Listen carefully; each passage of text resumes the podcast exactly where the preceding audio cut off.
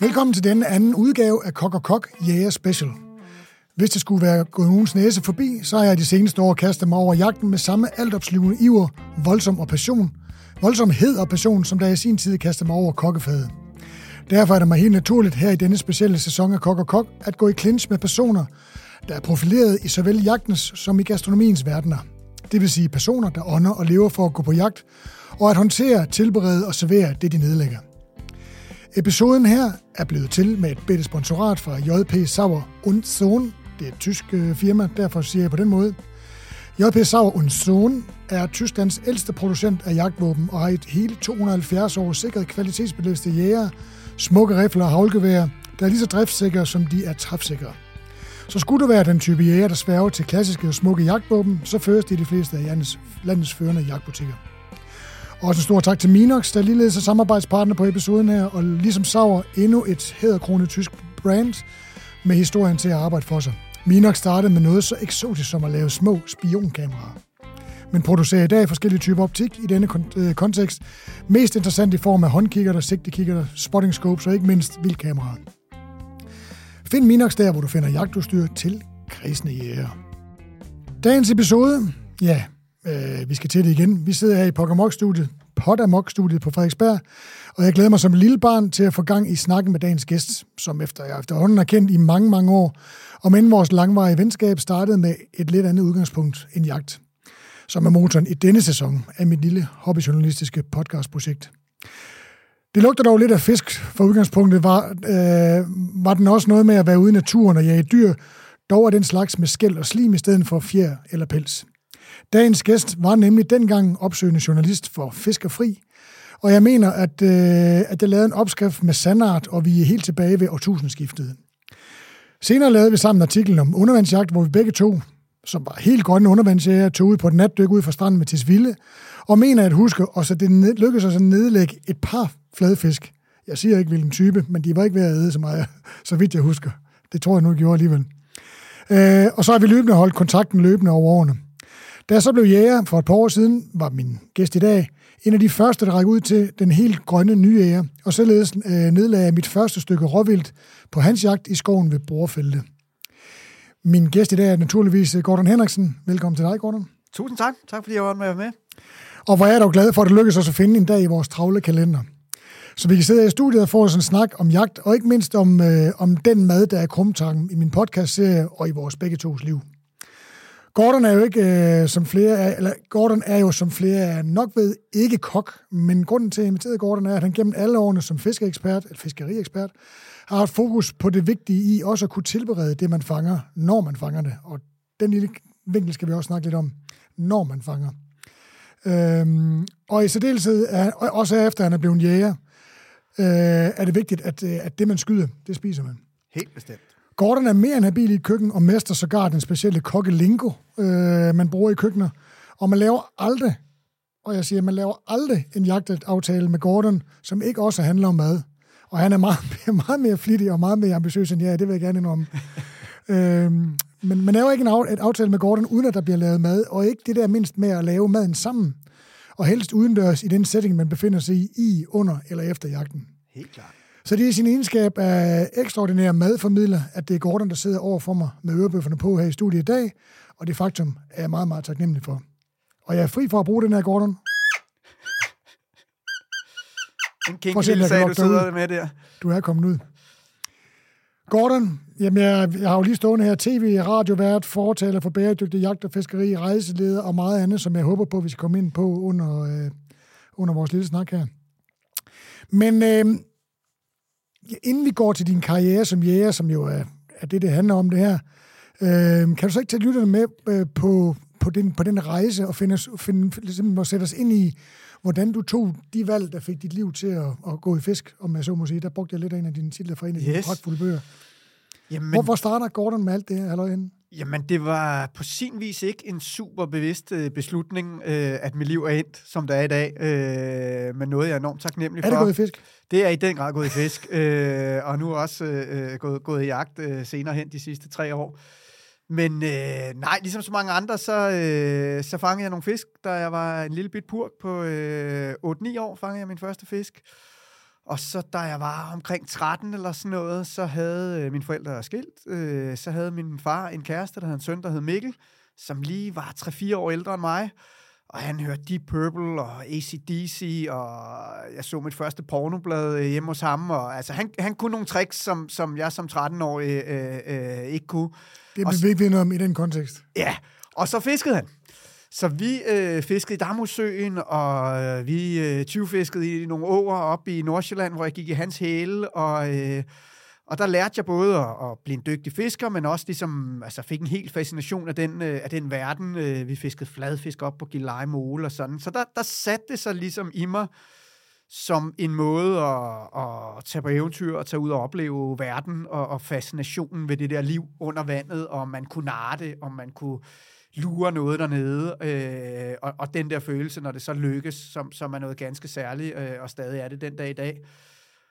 Og så, øh, så bliver det på en eller anden måde også min uddannelse. Øh, efter gymnasiet, så tog jeg tre år til USA og læste en bachelorgrad i noget, der hedder øh, humanøkologi på et college i Maine.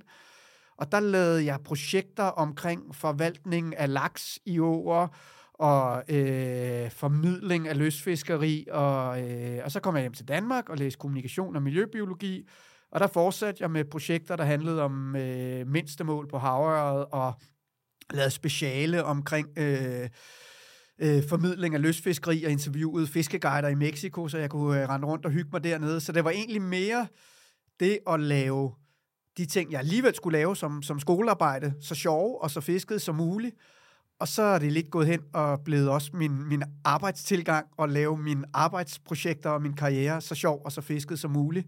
Så essensen af det er faktisk det, du har gjort resten af tiden. Det er jo, det er jo ret imponerende i virkeligheden. Ja, så det startede vel egentlig sådan, hvis man skal begynde at tænke over det her i studierne, at de ting, man alligevel skulle lave, kunne man lige så godt gøre det. Øh, og så, så gik karrieren den vej, at jeg var fem år på et fiskerejseselskab, hvilket var perfekt, når man øh, er ung og ikke har nogen børn, og heller ikke har råd til at rejse rundt i verden, at det lige pludselig er ens job at rejse rundt i verden med en fiskestang. Og så sagde jeg op der, uden at vide, hvad jeg skulle, og så var jeg så heldig at få et job på Fiskerfri som redaktionschef, og var der i fem år, og fik et kæmpe netværk i fiskebranchen, og var ude og interviewe en hulens masse dygtige fiskere, og lære sindssygt meget der, på den ene og den anden måde og begyndte også at lave noget tv, øh, Storrygeren på DR2, og nogle DVD'er øh, med Niels Vestergaard, der hed Pike Secrets, og fik ligesom øjnene op for forskellige former for formidling øh, ud over bladbranchen. Og så tog jeg springet der som selvstændig for, for 11 år siden, og, og har ikke kigget tilbage, og nu egentlig bare hopper fra projekt til projekt, øh, så længe det er sjovt, og, og, øh, og sammen med fede mennesker, og øh, jeg har en årsløn, når det, når det hele er gået. Men så, det har været meget, så stopper jeg ikke. Øh, det har ja. været, indtil nu har det været meget, altså i, i, i de forgangne år har det været mest fiskeri af, af jagt, ved ligesom at komme Ja, altså så, øh, så, så, så tog jeg det jagttegn for tre år siden, og øh, øh, jeg er 44, 44 år nu, og, og jeg tror, jeg havde så meget fart på med mit fiskeri og min karriere og tre børn, at jeg vidste godt, der var ikke der var ligesom ikke øh, tid til, at jeg skulle begynde at spille golf, eller have jagttegn, eller, eller have en hobby øh, som sådan. Men, men måske der nu, da, da jeg blev de der 40 og sådan, så, så var jeg ligesom klar til det. Øh, og så tog jeg jagttegn øh, hos Always Hunting, hos øh, David, som, hvor du også har taget dit. Og, og der må jeg bare sige, der, der var ligesom en tid før jagttegn, og en tid efter jagttegn. Og, og, øh, og, og, og det rev lidt benene væk under mig, hvor meget jeg ligesom blev betaget, hvor meget der var en helt ny verden, der åbnede sig op. Øh, Men den er jo meget, øh, den minder, minder de to verdener præcis, ikke meget om Der, der er virkelig, virkelig meget, der minder om hinanden i forhold til øh, det store filosofiske, at det, altså det handler om at, at finde en kontakt med naturen, øh, øh, med sin egen tilstedeværelse på den her planet og, og i vores naturlige omgivelser, de her sådan meget store søgen efter at være en del af, af, af, det, af, af den naturlige verden. Øh, Men også den der også, med, som, som jeg også øh, snakkede lidt med min sidste gæst om, det der med, at at vores, altså vores sanser, menneskesanser, de er jo blevet så rudimentære efterhånden. De er der jo ikke eksisterende, fordi at vi bliver fodret med alting, uanset hvad det er, ja. så bliver vi fodret, det bliver stoppet ned i halsen på os, ikke? Når man sidder derude ved bækken, eller man sidder oppe i sit uh, jagttårn, ikke, så er det så er det dig, der ligesom skal prøve at finde ud af, hvordan du lurer dyrenes instinkter, fordi vi har jo ikke vores mere. Nej, altså du, du skal du skal tænke som et dyr, øh, du skal tænke som en havørred og regne ud, hvad den vil spise, eller du skal tænke som et rådyr og finde ud af, om, om den går ind i den der lysning, eller ind i det tætte, eller, eller, eller hvorhen du skal, du skal prøve at finde den. Og det at skulle tænke som naturen tvinger en til ligesom at træde ind i den verden og blive et med den, øh, også på et større filosofisk plan eller sådan. Så det er essensen af det, øh, og der kan man sige, løsfiskeriet, der, der er det en meget sådan direkte kontakt, når du står derude og kaster og, og, og er i dit, dit zen-flow, eller hvad man nu skal kalde det, og så lige pludselig får det der hug, at det siger bang, og så, så hænger der en havre og spræller for enden. Så, så er man direkte forbundet med naturen, hvor jagten, det er en anden måde, at man, man går ind i det der univers, man tager sit kamo på, man, man lister sig ind i skoven øh, som en indianer, man, man kigger, man lytter, øh, man, man, man bliver sådan helt sanselig på en ny måde, og man ser æren og rovfugle og små mus og alt muligt, man aldrig vil se, hvis man bare gik også, en tur i skoven. Hvis du er ude ved vandløbet, så ser du også, så kommer der en skøjteløber, og så sidder der en isfugl. Og... Du ser nogle ting, men, men når først du går ind i det der kamo, øh, øh, når du bliver et med skoven, både i, i, i og at du lister, og du sidder stille og venter på, på rådyret, så får du også tusind andre ting foræret af andre dyr, der, der kommer, som ikke ser dig, som du ikke har tænkt dig at skyde nødvendigvis, men, men som man bare sidder og jagtager og nyder, og som ville være skræmt væk, hvis du gik med en fiskestang, eller, eller gik og plukkede svampe, eller, eller hvad du ellers ikke, øh, måtte gøre ude i naturen. Man skal vel ikke liste, altså, man skal vel også øh, liste hen til lige den øh, krusning i åen, hvor man ved, at, at, at der er en brink, den ligger jo, jo. Altså, der er noget, jeg kalder ninja-fiskeri efter begge, og der er det, der er det vigtigt at liste, men, men så er der noget andet, så kan du stå øh, om, om, ombord på en gutter og, øh, og, og øh, skåle i, i fadel og høre høj reggae-musik og, og hygge dig. Det er Torsten ligeglad med 18 meter nede, ikke? Ja. Øh, så det kan være meget forskelligt. Øh, så, så på mange måder, der er de her ligheder mellem jagt og fiskeri. Øh, der, er der er jo selvfølgelig det sociale, altså kammerateriet, øh, som kan være i det. Der er også ensomheden, altså det her med at være alene med sine tanker, øh, om det er at liste rundt i en skov med en riffel, eller, eller, eller langs en å med en, med en fiskestang, er der nogle ligheder. Øh, selvfølgelig det at dygtiggøre sig selv, øh, og, og den følelse, det giver, når ting lykkes. Øh, det kan være inden for ens karriere, men det kan også være en fisk, man fanger, eller, eller dyr, man nedlægger. Maden, selvfølgelig. Altså, øh, den, den tilfredsstillelse, jeg har oplevet af at spise eller servere en fisk, jeg selv har fanget, øh, den har jeg nu kunne tage videre øh, øh, øh, i, i jagten. Øhm, og, så, og så er der også bare en hel masse ting, som er helt forskellige også samtidig. Ja. Øhm, er der, mange, der er mange snitflader, men hvad, hvad, hvad er sværest, eller er der noget, der er sværest?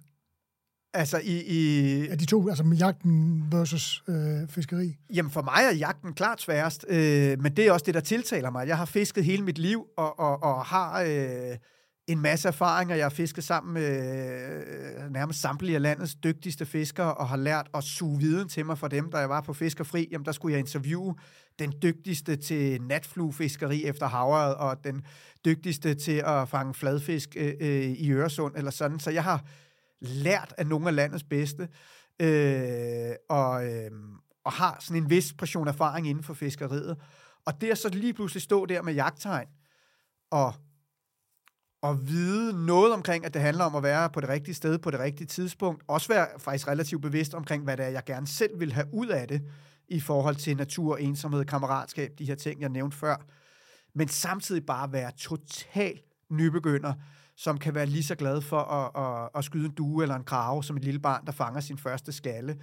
Det, øh, det var en sådan helt sensationel øh, oplevelse, og og, og, og blive stået tilbage til start på den fede måde. Øh, og, det, og det nyder jeg stadig, den, den, ligesom, øh, den rejse, der er ved at udforske jagten, og alle de ting, som der, der er nye oplevelser øh, i det. Men du må have taget noget med, altså, og det der bare med at være, det er i hvert fald sådan, som jeg altid har haft det i min optik, det der med, at udendørsmenneske Gordon, og der er lige, han har altid lige en, øh, en termokande med fire pølser og noget varmt vand. Og, Præcis. Ved, altså, du, har jo, altså, du har jo rigtig meget, du er jo, du er jo i modsætning for mig, der ligesom blevet jaget ud af et varmt køkken, ikke? Altså, og så pludselig sidder man og fryser i tårn og skal finde ud af det hele. Hvorfor noget tøj, og hvad med for nogle sokker, og øh, ja. skal man, hvorfor noget mad skal man have med? Og... Der tror jeg, der er jo ligesom gennem mit fiskeri, jeg jager jo stadig og, og gør alt, hvad jeg kan for at fange den store fisk, hver gang jeg er på en fisktur. Men jeg har også indset, at alle de her andre ting, hyggen, naturen, øh, kammeratskabet, maden, kaffen, alt det her er en kæmpe stor del af mine fisketure. Så det har jeg jo straks taget med mig over i jagten, og, og, og ligesom, at jeg er jo stadig ude for at, at, at, at finde øh, den der fasan, eller rådyr, eller skarv, eller hvad det er, jeg er ude efter.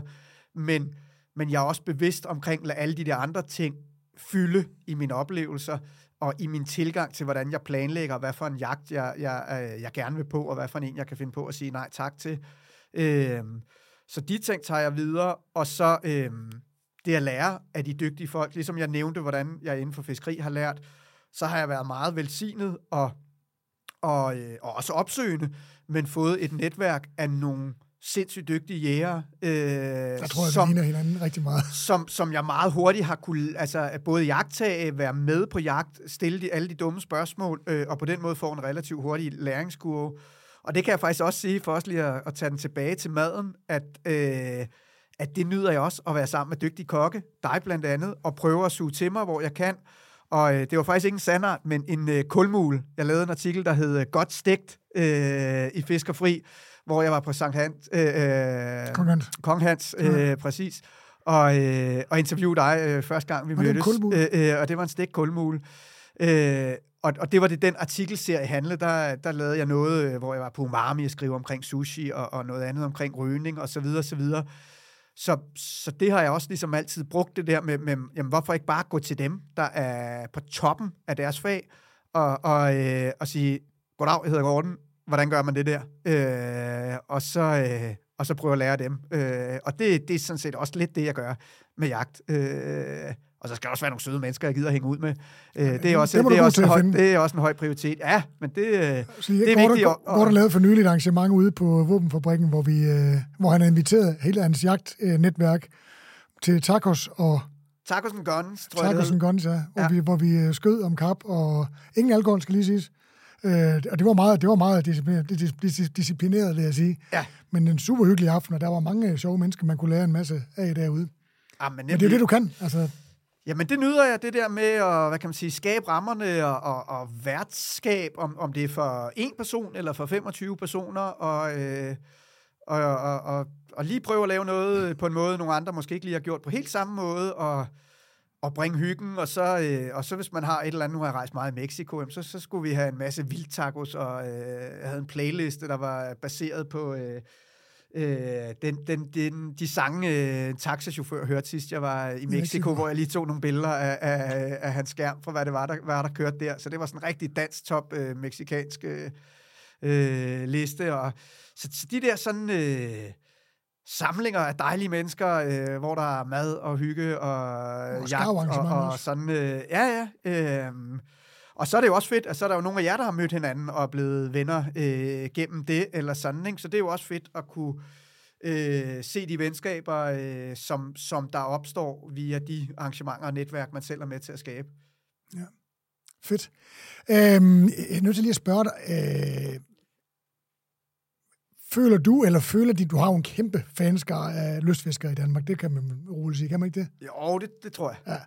Ja. Øhm, tror du, de føler, eller føler du selv lidt, du, du har svigtet fiskeriet, efter du har blevet... Fordi altså, jeg så ja. det jo godt komme, da jeg ligesom så på, ja. jeg tror det var Instagram, okay, nu har Gordon taget jagttegn, det der, det ja. kommer til at stikke fuldstændig. Nemlig, og øh, jeg vidste jo selvfølgelig ikke, at det ville komme til at fylde så meget, og en del af mig vil sige ja, og der var der også nogen, der ligesom var sådan, åh oh, nej, nu mister vi dig, og nu er du gået over til de andre, og, øh, og samtidig har jeg ligesom bare sådan en eller anden afklarethed med, at jeg er den, jeg er, og, og, og de ting, jeg poster på Instagram er, er, og andre steder, er også, at jeg er ude og stå på skateboard, eller laver noget mad, eller er sammen med min familie, eller er på en rejse, eller, eller det er ligesom et lille indblik i, i min verden, og min verden er altså også at kunne lide at lave mad, og min verden er nu at kunne lide at tage på jagt, og, og den nyder jeg at udbrede, den ligesom passion, også for jagten og for maden, øh, med den stemme, jeg nu engang har, og de,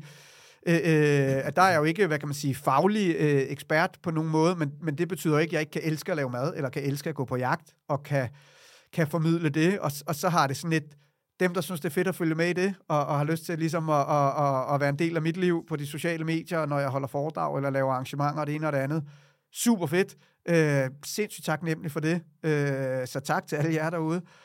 Og dem, der ligesom synes, at jeg skal være et eller andet bestemt for deres skyld, øh, øh, der, det er sgu bare synd for jer, fordi det, jeg er den, jeg er, sådan er det.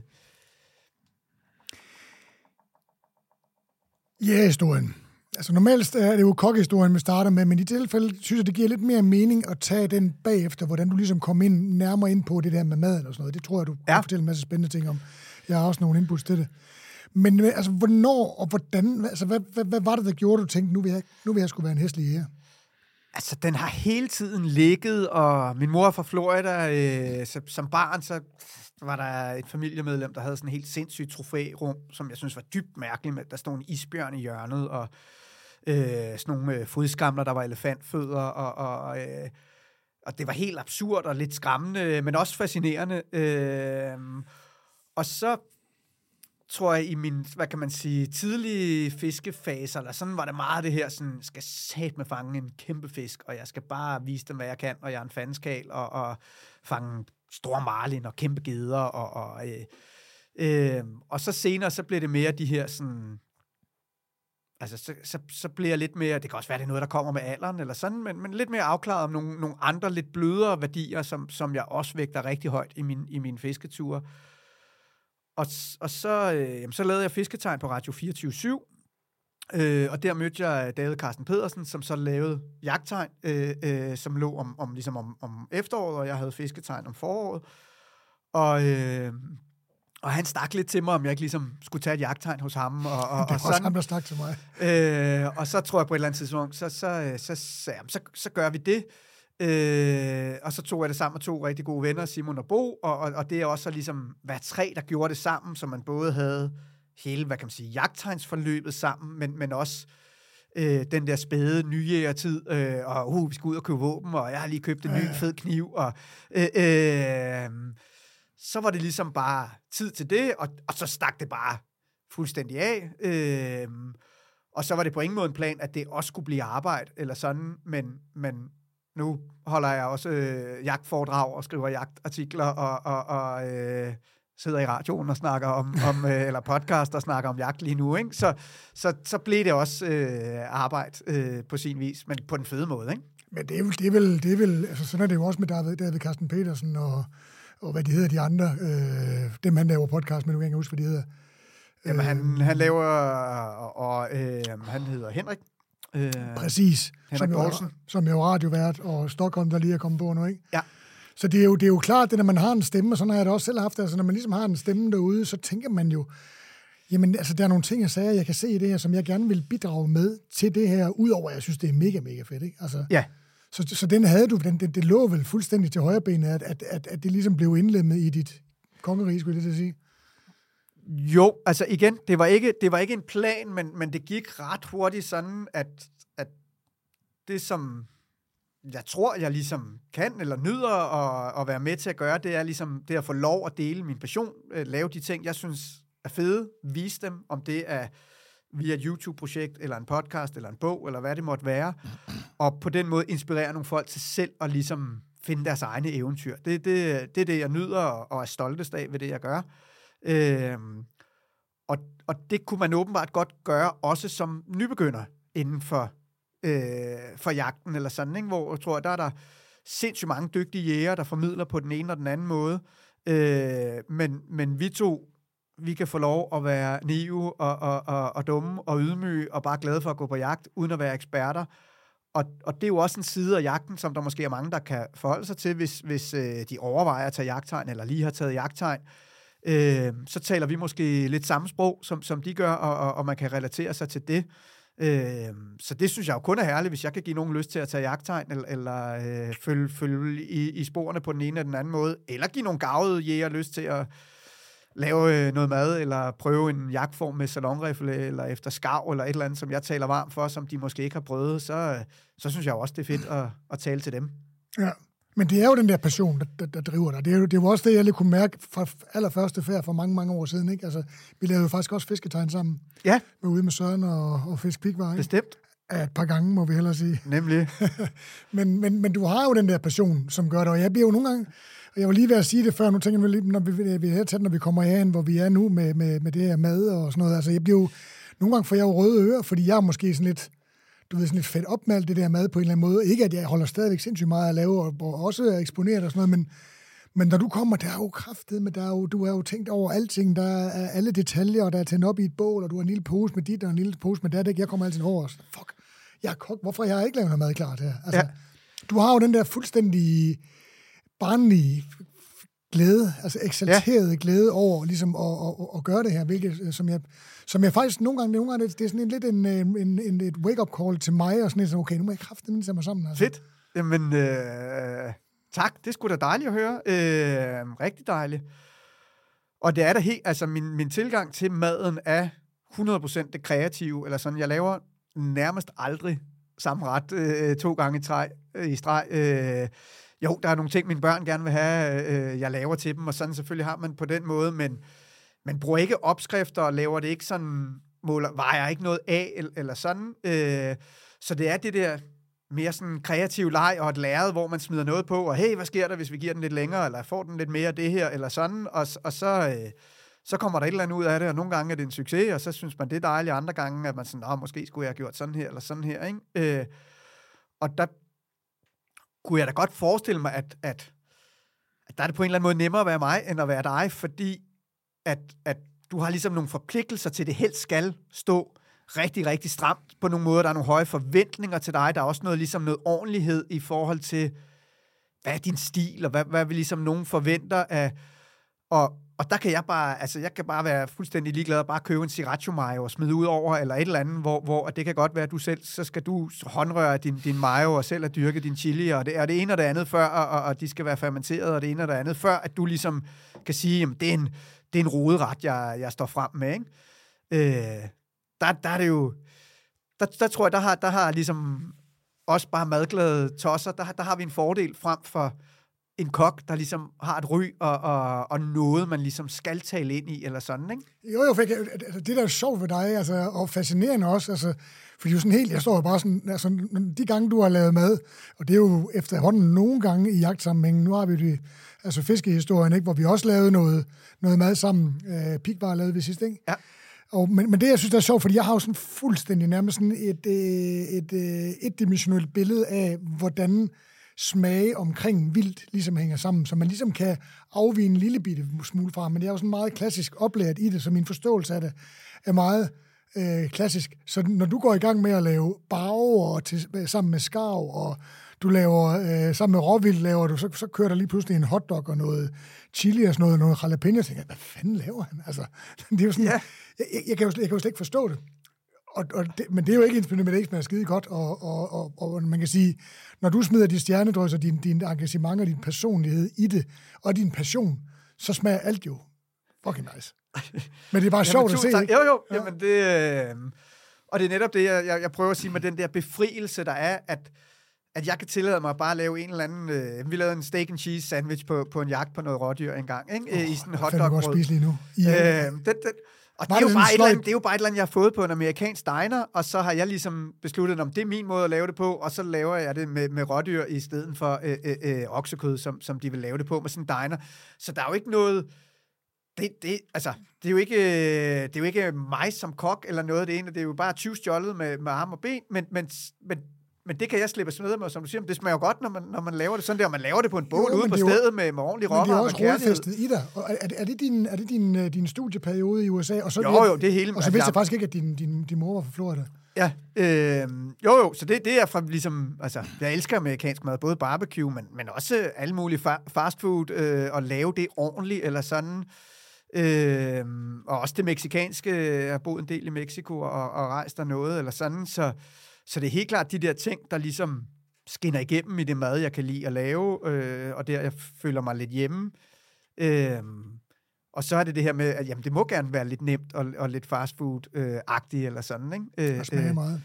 Øh, ja, og det er også det er faktisk, altså det der med at smage meget, at øh, det tror jeg også, det er jo også det, det er også nemmere, tror jeg. Altså, det er nemmere at lave noget super krydret meksikansk, eller asiatisk, øh, øh, eller barbecue-mad, end at lave den der fuldstændig nænsomme, pocherede pikvar øh, øh, øh, med, med en fin hvidvinsauce eller sådan, ikke? Fordi, altså det tror jeg, det er jo, det er jo sådan nogle ting, som, som du og andre dygtige kokke kan, hvor jeg ikke kan ramme den der præcision med, hvis du bare giver den lidt for meget citron eller ja. et eller andet. Så det kræver jo den der håndværk og det der ekspertise, som, som I har.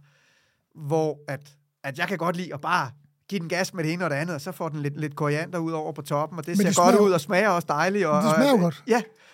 Øh, Fordi du har garanteret ligesom mange andre, der sidder og lytter til det her. For- Forhåbentlig sidder der og lytter mange, der sidder og lytter med til det. Og jeg, jeg har heldigvis ikke fået så meget af det. Men, men, men sådan en gammeldags jægermad, ikke?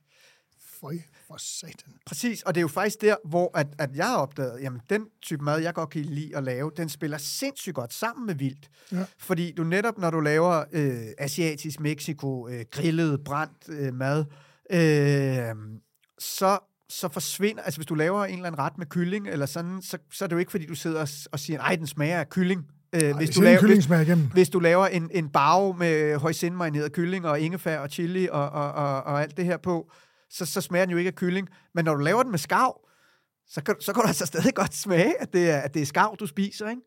Øh, og det samme gælder harer og æderfugler og, og, og flere af de her vildarter, som har deres egne særegne smage, som er super interessante at, at lege med og prøve at, og matche og finde ud af, hvad, hvad spiller godt sammen med det. Men, men du, du kan give den fuld smadret med hvidløg og chili og stadig smage, hvad det er for et stykke vildt, du Det har er- med at gøre. Det er skav. Øh, præcis. Men det synes jeg bare er fedt, at, at den kan få lov at shine og være stjernen i showet, samtidig med, at, øh, at der er palaver på de andre ting. Ikke? Lad os lige komme, vi kommer lidt tilbage til det senere. Øh, men, men, men som sagt, så er du jo ikke udlært kok, som de fleste af dem, der har været medlem i, eller der har været med i det her podcast, øh, men er, er, er madformidler.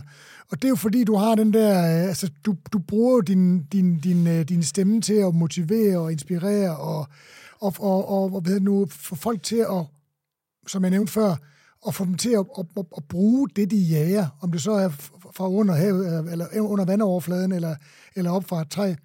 Hvor, hvor, hvor kommer den der lyst til at se, altså hvis vi nu ikke går ind, i- ind i smage og, og det her, men hvor. Ja. kommer lysten til, ligesom, altså, eller, eller måske ovenikøbet forpligtelsen til at sige, altså, nu går vi ud, og vi tager jo, og det gør man jo, altså når man, når man enten fanger en fisk og slår den ihjel, øh, eller man skyder noget og slår det ihjel, så har man jo taget et liv, så har man ligesom sat sig i Guds sted et eller andet sted, ligesom, og, og sagt, det bestemmer ja. jeg over. Ja. Der må være et eller andet et, et tidspunkt i, dit, i, din, din, øh, i din karriere, hvor du ligesom har sagt, det, altså, det- hvis vi tager det her liv, så skal vi også, så skal vi også bruge det. Er det korrekt antaget? Eller, hvor- Helt sikkert. Jamen, det er en kæmpe del af at være jagt, og det er ikke, hvad kan man sige, det er ikke det, der startede min interesse for mad, eller sådan, altså i, i størstedelen af den tid, jeg har lavet mad, der, der ville jeg jo bare, altså om det så var Netto, eller et asiatisk supermarked, eller hvad det måtte være, hvor man skulle finde de ting, man skulle bruge, det har jeg ikke sådan tænkt synderligt over, eller haft et større forhold til det.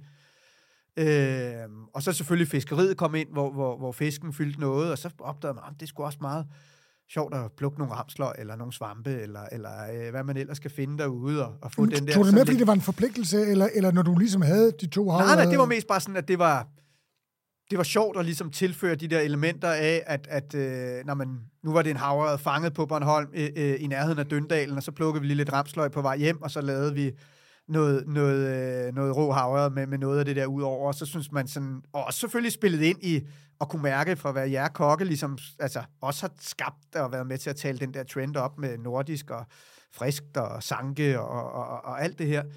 Øh, og, og, så det har ligesom hele tiden fyldt noget, og, og så kom det der med, med jagten, med det her som at slå ihjel, som jo er en e, essentiel del af, af jagt, det kommer man ikke udenom, og, og der er jo også, det er svært at tale om det, men der er jo en del af os, der godt kan lide den del af det også, på en mærkelig, det lyder meget morbid, men det er også meget kærligt, og, og, og ligesom, man, det, det, det starter bare nogle følelser ind i en, hvor man kan mærke, at man lever, og det føles naturligt, og det føles ægte, og som, som noget, man hører hjemme i.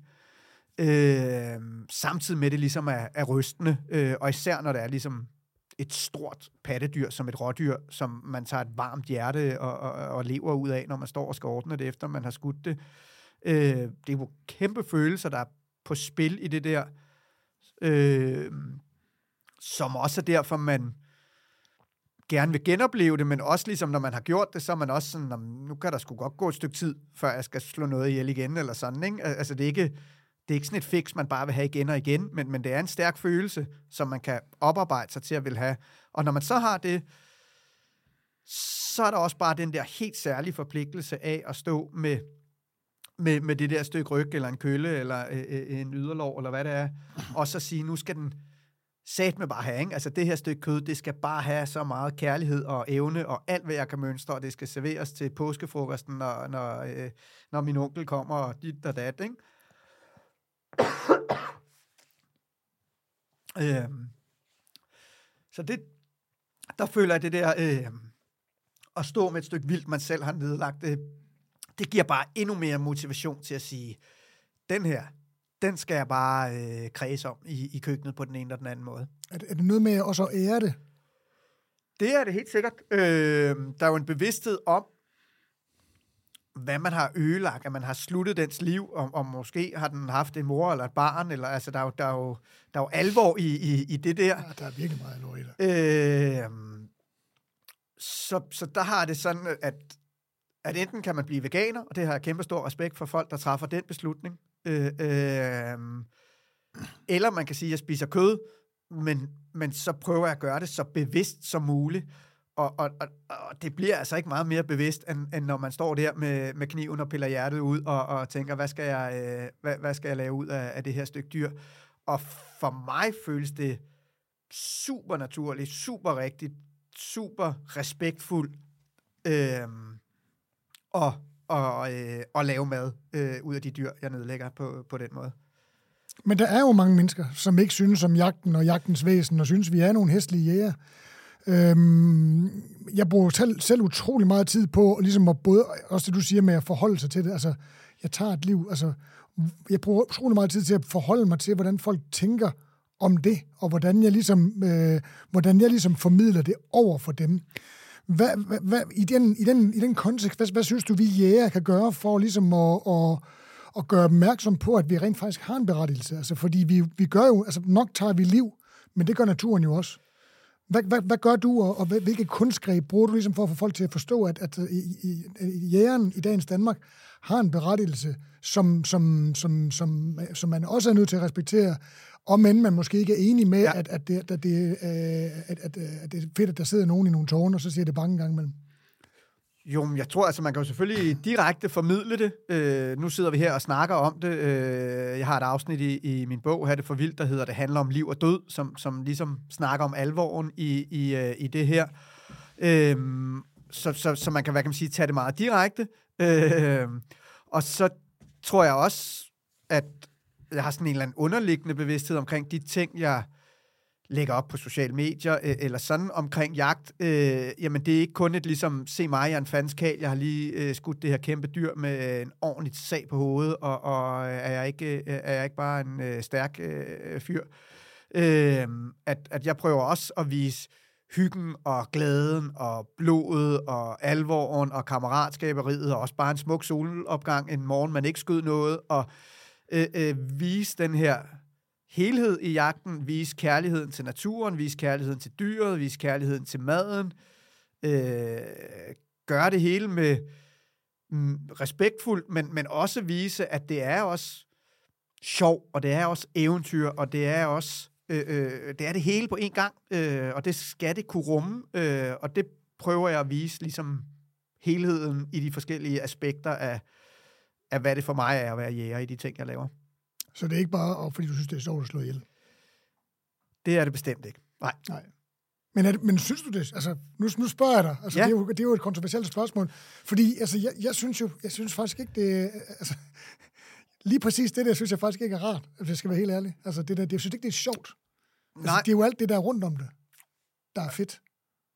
Altså, jeg kan tydeligt huske første gang, jeg slå øh, øh, et rådyr ihjel, og skulle... Øh, skulle ordne det, øh, kørte hjem, øh, fik det altså, øh, parteret og, og kørte hjem fra Jylland med det i en køleboks, og så, og så dagen efter stod i, mi, i mit øh, køkken og skar de der køle ud i små stege og skulle øh, vakuumpakke dem og, og det hele, og det var en kæmpe proces af at være sindssygt lykkelig og sindssygt glad for at have udrettet og have opnået, ligesom der, altså, der var en, en, enorm sejrsfølelse i det, Samtidig med, at der var en, en, en kæmpe tristhed og bevidsthed over, hvad jeg havde gjort, og det var min skyld, at, at, at, øh, at det her rådyr var dødt nu, øh, og at jeg stod med det her kød, og også bare sådan en, at, at øh, jeg har aldrig været i en bilulykke, heldigvis. Øh, men, men jeg ved ikke, hvordan jeg ellers... Altså, jeg var ligesom bare rystet. Jeg var bare chukken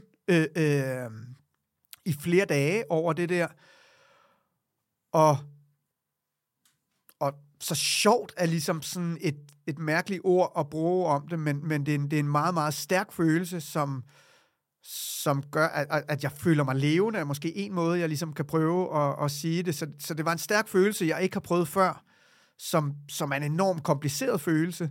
Øh, og men som også er en følelse, jeg har oplevet igen siden, og, og, og, og, og, og håber, jeg får lov at opleve igen. Øh, for, fordi det er en del af, af det, jeg jagter, øh, øh, hø, hø, når, øh, når jeg går på jagt. Men, men, men det er bare en del af det, fordi der er også tusind andre ting, i jagten, som handler om hyggen, og vi er i, i, i, i skydebiografen og spiser tacos og, og, og skyder på en skærm øh, af af en vildsvin og slår ikke rigtig noget ihjel.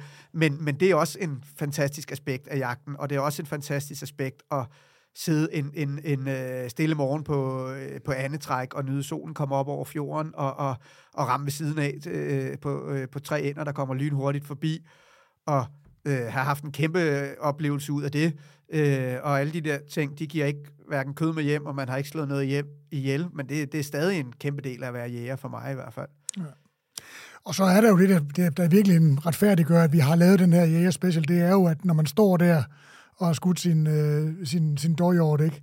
så ser man bare og kigger ud over alt det her kød, der ligger, og fungen, der står og koger. Man ved bare, at man har ja. gjort det, der ligger måske allerforrest, aller mest i top of mind på jægeren, det er, at man har skaffet mad til sin familie. Ikke?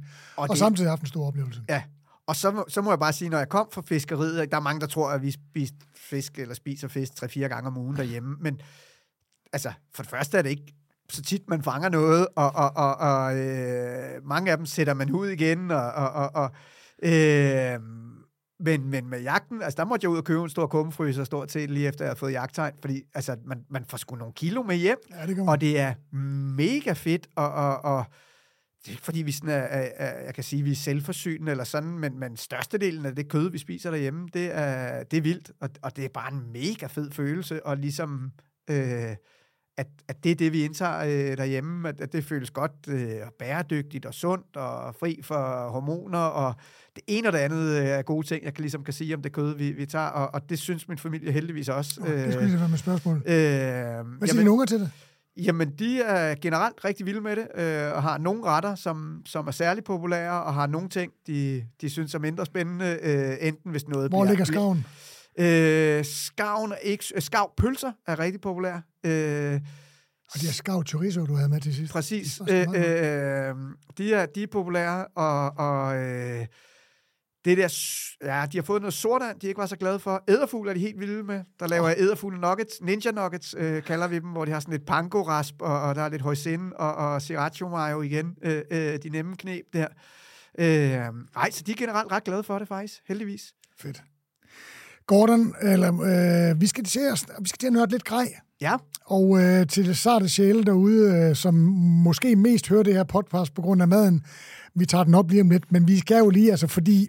Altså, Ej, alle kan da lide at høre om lidt gear og lidt lir. Ja, altså. ja, ja, ja, ja. Men, men øh, altså, som sagt, der er ingen tvivl om, at jeg er en, grej er en, en, en, en, en eller jagt er en grejsport, om, inden man også kan gribe det lidt øh, mere pragmatisk an. Pragmatisme i forhold til grej og gear er dog helt sikkert en by i Rusland, hvis Gordon er med i ligningen. Uh, Gordon er jo faktisk det, man kalder camouflage-seksuel. uh, som, som, jeg kender ikke andre, der er lige så cam- camouflage-seksuelle. Uh, jeg tror ikke engang, jeg har camo på i dag. Nej, du har... Åh, lige på de skæfte der. Ja, ja. Sådan der. Der er lige lidt på bæltet. Hvad er det, der er så fedt ved grej, og hvad er det, camouflage kan, Gordon? Åh, oh, altså, jamen, nu er det jo to spørgsmål. Vi kan starte med camoen. Øh, der er jo camo her. Der, der er lidt camo der på, øh, på min øh, kikkertaske. Jamen, Altså, jeg, øh, som sagt, min mor er fra Florida, så jeg har vokset op, eller kommet i sådan et øh, redneck, hillbilly country øh, miljø, øh, hvor der blev øh, lavet masser af barbecue-mad og hørt country musik, og, øh, og der gik alle de seje gutter i camo-kasketter. Øh, øh, så, så det har fra start af været, været et forbillede, og jeg har altid, inden jeg har haft jagttegn, været sindssygt glad for camo på den ene og den anden måde.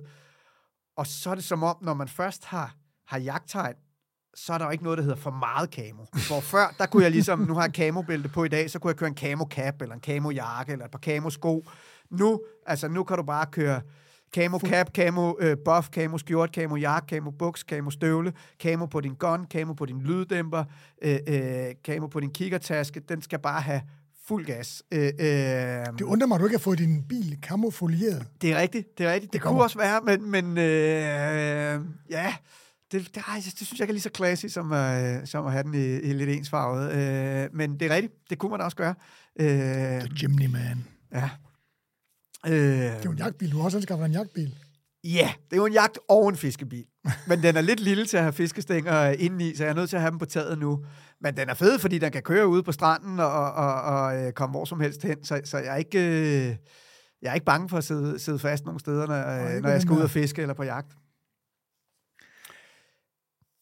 Denne episode er jo lavet i samarbejde med JP Sauer and Zone, und Zone, som som sagt i 270 år producerer jagtvåben. Og du har jo anskaffet dig en Sauer. Ja, det har jeg. En Sauer... GTI 101 i kaliber 308. Og det er sådan noget som, altså det havde jo været sort snak for mig for, for, for tre år siden, og nu er det det mest naturlige at, øh, at snakke om tingene på den måde. Hvad er det, den der... Altså, for nu kan jeg lige knap nok huske din tidligere... Så vidt jeg lige kan huske fra din tidligere riffel, så har den der, det man kalder for thumbhole. Ja. Kan du prøve at fortælle Øh, om, om, om, om, om, hvad, hvad det gør? Altså for, for, for håndteringen af riflen. Jamen, det er jo sådan lidt, at den, jeg synes bare, den ligger rigtig, rigtig godt i hånden. Skulle vi lige vise Øh, lytterne, øh, at øh, der ikke er nogen øh, bønder i... Jamen, det er, det er bundstykket er her, og den er, den er helt tom. Øh, øh, så så alt, alt er safe her. Øh, der sidder lidt bønder i, øh, en lille camo-ting. Øh, den er lige pimpet en lille smule. Skal man. Man skal pimpe sin på det justerbare skifte. Ja.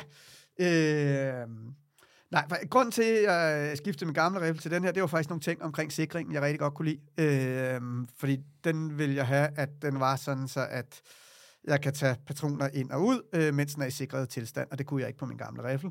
Øh, så, så det var ligesom det ene, og så det med det justerbare skæfte og thumbhole. Øh, og så synes jeg bare, at den er sindssygt fed og sindssygt flot, den her. Øh, så øh, Men hvad gør thumbholet?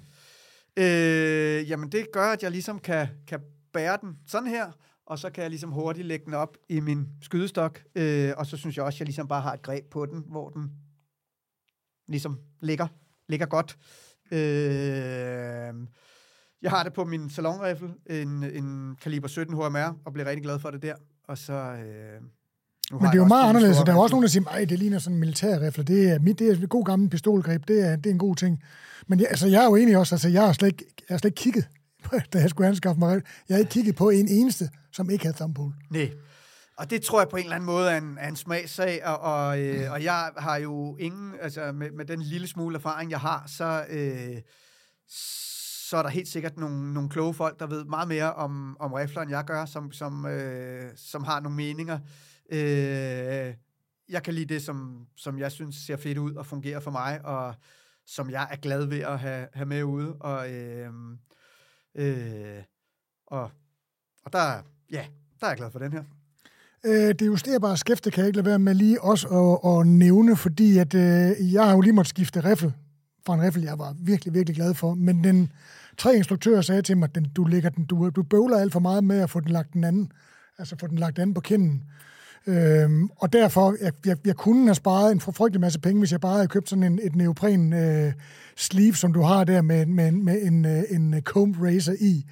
Der, Ja. der, jeg vil ikke sige, hvor mange penge jeg har sparet, men det var rigtig mange. Ja, Jeg har faktisk lige solgt den, den gamle der. Jeg, jeg, jeg har tabt rigtig mange penge, det vil jeg gerne lov at sige. Tillykke, Henrik, du har fået en rigtig god handel. Men, men hvad- fra din første riffel til den der øh, sauerriffel, er der, er der, havde, du, havde, du, havde du behovet, eller har du bare ændret din... Kan du mærke, at du har ændret dit, dit, dit anlæg? Med, Nej, den anden, den var faktisk, den havde sådan en indbygget raised i træ, okay. Okay. så det vidste jeg, at jeg ligesom kunne lide. Øh, så det minder egentlig om det her, og så nu har jeg så sat, sat det her øh, neopren på, fordi så kan jeg have et par patroner siddende, og mest af alt, fordi jeg synes, det ser fedt ud, og mest af alt, fordi... Og du har ikke, du har ikke, du har ikke justerbart skæfte, fordi det ser fedt ud. Nej, nej. Øh, men, men det der med at se fedt ud, det, altså, det lyder som om, det er et stykke legetøj. Det er det jo på ingen måde. Øh, Og det skal jo netop, det er også det, jeg siger, altså, Men- det der, det er jo netop for, at det virker også din, øh, din øh, bipod der, det er jo også for, at du, kan sikkert, du har et sikkert anlæg, så når du leverer et skud, så leverer du også et stykke vildt, ikke? 100 procent. Jo, jo, det, det er jo, altså, det er en, det er en hammer, øh, der ikke skal slå et søm, men, men skal slå et dyr ihjel, og det skal den kunne gøre så godt og så præcis som muligt. Øh, men når det er så sagt, så er det også, igen, det er på ingen måde et legetøj, men, men det er jo noget, som en gave, jeg giver til mig selv, og noget, som man har en helt specielt forhold til, fordi det er et værktøj, man bruger til at slå øh, dyr ihjel med. Øh, så synes så, så tror jeg, at de fleste har sådan et, et forhold til, at, at det også godt må være flot og lækkert, og noget, man er glad ved. Enig. Øh, og det har jeg sådan set også med en fiskestang, som jeg fanger en fisk på og sætter ud igen. Så det, så det er ikke nødvendigvis, fordi det er det, men, men, men, men det er ligesom det, det, det vigtige stykke gear i grejkassen eller sådan, så det kan man godt lide, at det er, er noget, man er glad for. Øh, Og du skyder med lyddæmper. Jeg skyder med lyddæmper. Øh, Altid skyder med lyddæmper? Det har jeg, det lærte jeg ligesom bare. Jeg, kan altså, jeg har jo meget bare øh, spurgt nogle kloge mennesker, øh, hvad er smart? Øh, og, og så gør jeg mere eller mindre, hvad de siger, og så prøver jeg at danne mig mine egne erfaringer. Og jeg har prøvet både at skyde med og uden lyddæmper på banen, og øh, jeg rammer bare langt bedre, når jeg har lyddæmper på, fordi der er mindre rekyl, så, så det er ikke noget, jeg ligesom skal tænke videre over. Det har jeg også på alle mine salonrifler. Øh, ah, med undtagelse af sådan en lille kopper øh, lever drag, jeg har. Men, men ellers så, øh, så kører jeg med lyddæmper på, på det hele selv, på, øh, nede på min 22 LR. Og så kører du, er det en 56, det er 3 til 15? 3 til 15 Gange. Øh, øh, ja, så 3 til 15 gange forstørrelse. Øh, så jeg ligesom kan zoome ind, og ikke nødvendigvis for at skyde med den på 15, men så kan jeg lynhurtigt øh, også zoome ind og se, øh, øh, er det en 6 eller ej, hvis jeg er på jagt et sted, hvor man kun må skyde 6 eller, eller hvad det måtte være. Så der kan jeg godt lide, at den øh, lige har lidt ekstra zoom. Den, jeg havde inden, var 3 til 12. Øh, så, så det er lige et par små erfaringer, og, og sådan jeg lige har, har gjort i forhold til at, at opgradere mit nye øh, stykke kit her. Bipod. Ser fedt ud, eller almindeligt i Øh, Danmark? Det jeg er nødt til at spørge dig. yes, øh, det er ikke noget, jeg har brugt kun på skydebanen. Og så er det... Øh, altså det ene er, at jeg kan ikke lide min riffel og mane til alle andres. Så jeg skulle personligt gøre den, lige efter jeg har fået den. Blandt andet med det her neopren, med patronhylster, og med at putte øh, neopren på, øh, eller hvad hedder det, camo på, øh, på lyddæmperen. Og noget, jeg har haft og har på min salonrifle, og havde på min gamle riffel, det er sådan et nørdesystem, øh, der hedder Spartan, hvor man har de her små huller, man får lagt ind i.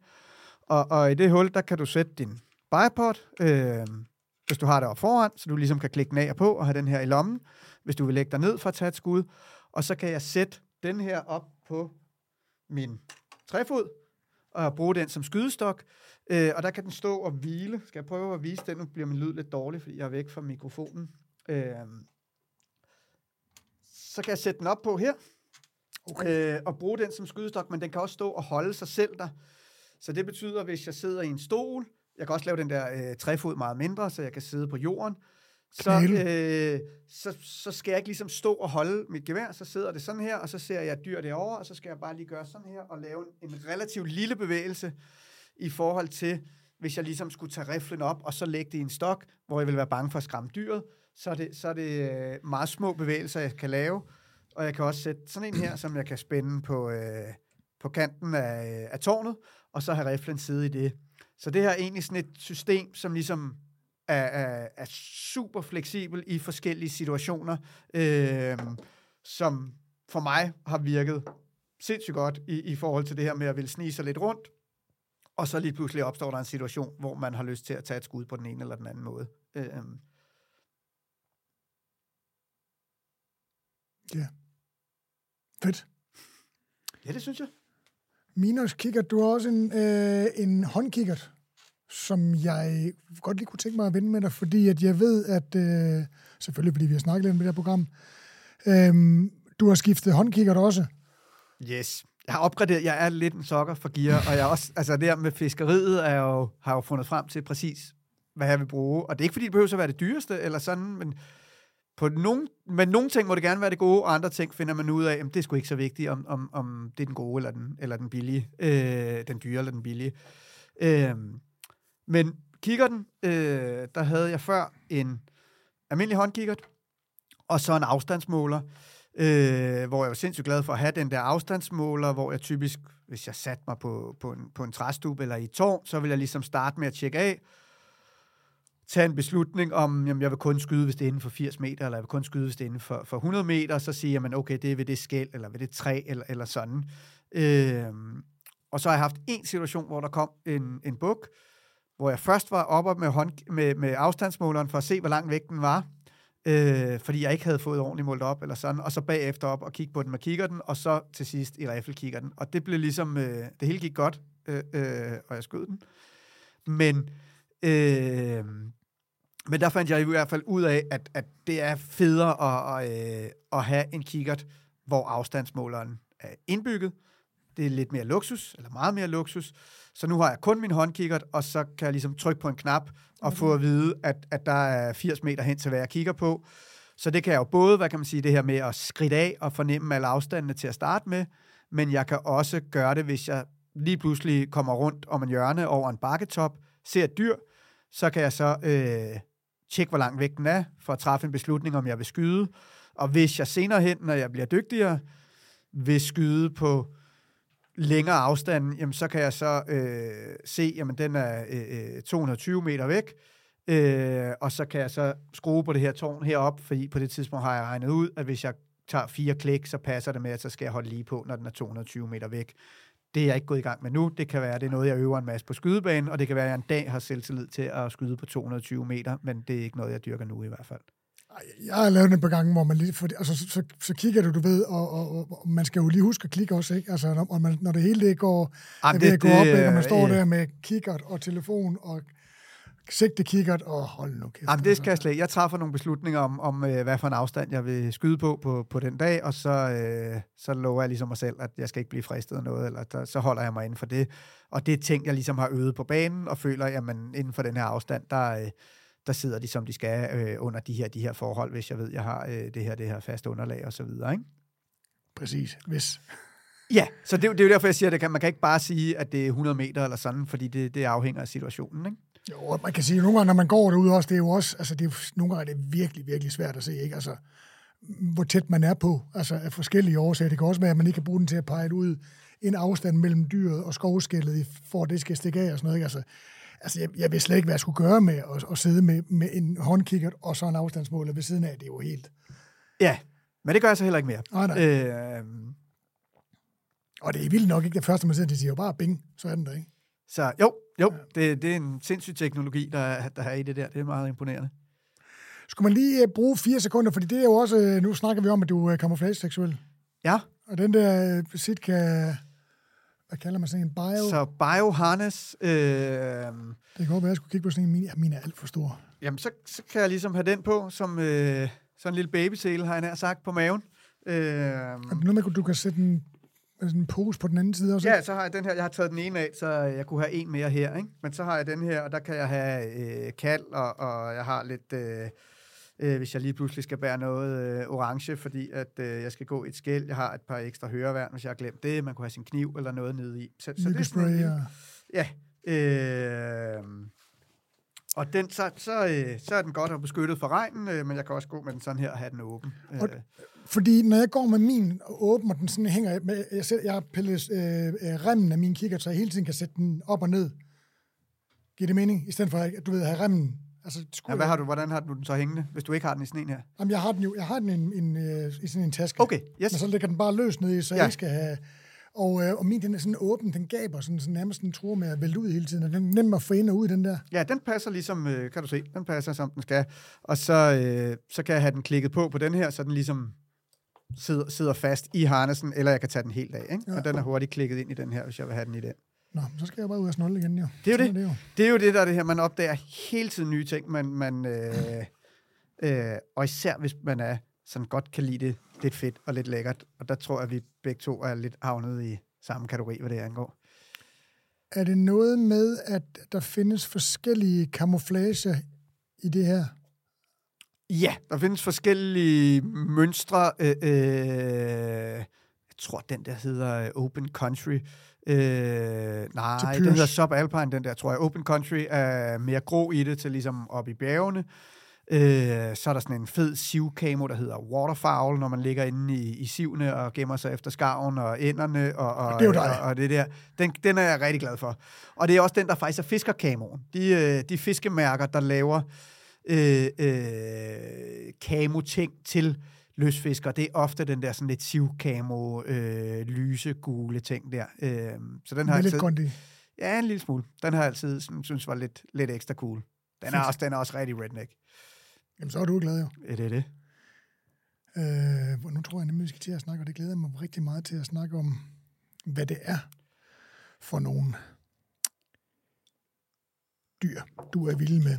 Men øh, jamen, tusind tak for den her lille, og tusind tak til jer, der sidder og lytter med derude. Jeg håber ikke, at vi har skræmt jer alle sammen væk med alt det her grejnørderi. Ellers kan I lige få sådan en lille... Så kan det være, I kan opføre jer ordentligt. Så øh, hvis vi nu skal tilbage på øh, jagt- og madsporet, som jo egentlig er ligesom det, der er krumtappen her.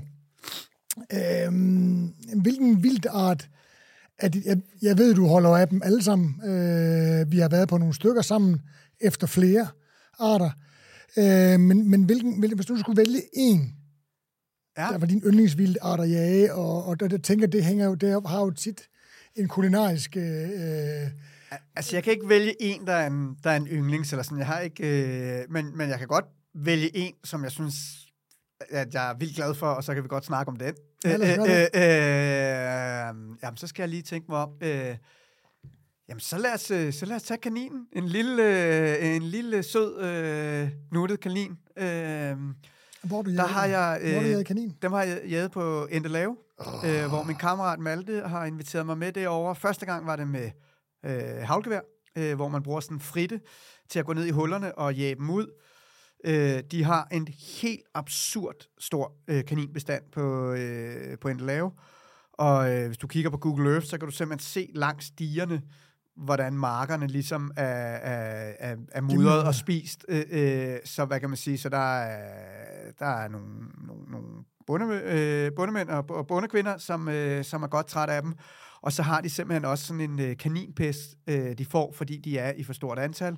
Øh, Det er med overvildt, når der er for meget overvildt. Ja, men endnu mere ekstremt, at ligesom øh, hver syvende år eller sådan noget, så kollapser bestanden stort set. Øh, og øh, jeg er ikke 100% på, om det er hver syvende år eller sådan, så, så der, der, vi skal lige faktatjekke noget af det her, eller sådan. Men, øh, og der gør man sådan set, måske ikke den enkelte kanin, man skyder, men kaninbestanden som helhed, ved at regulere i den, øh, og være med til at holde den bestand nede, så holder man den her øh, øh, kaninpest på afstand.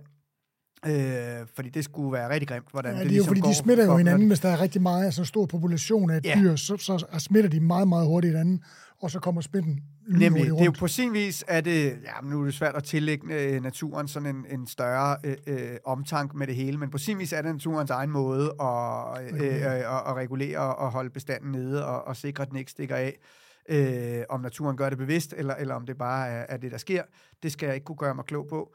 Øh, men i hvert fald gør det også, at at når jeg som jæger tager, tager til Endelave, øh, enten inden for jagtsæsonen eller for at regulere, øh, så kan jeg gøre det med rigtig god samvittighed og føle, at jeg får en stor oplevelse, jeg får noget sindssygt lækker kaninkød med hjem, og der er rigeligt at tage af derovre.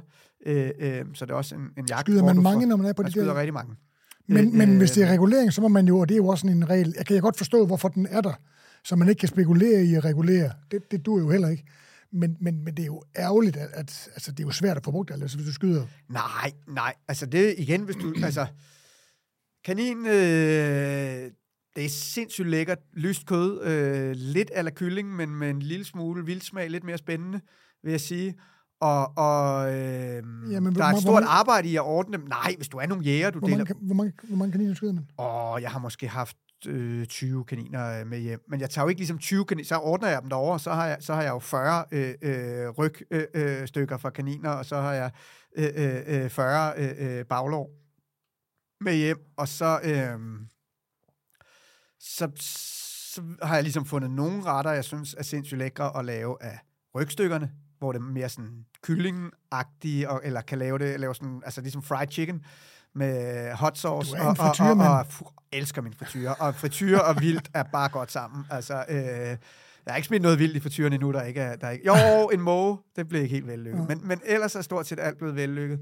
Øh, så der, det, det kalder jeg hot bunnies. Øh, den, er, den er med i min bog. Øh, øh, sådan en hot wing opskrift øh, på, på kaninryg. Så er det, er det, godt. det, er fileren af kaninen. Øh, Fileren af kaninen, og så øh, vender du lige i øh, noget mælk eller kernemælk pisket op med, med æggeblomme, og så øh, ruller dem i, øh, og det, det må du selv bestemme, men, men dem, hvis det skal være sådan rigtig sådan, så må det godt være lidt majsmel eller knust cornflakes, øh, og så øh, bagefter vender du dem i en blanding af smør og hot sauce, og det skal være sådan en eddike-baseret, øh, baseret, sådan en, en sydstats øh, hot sauce. Øh, dem, kan du, dem kan du sagtens finde herhjemme.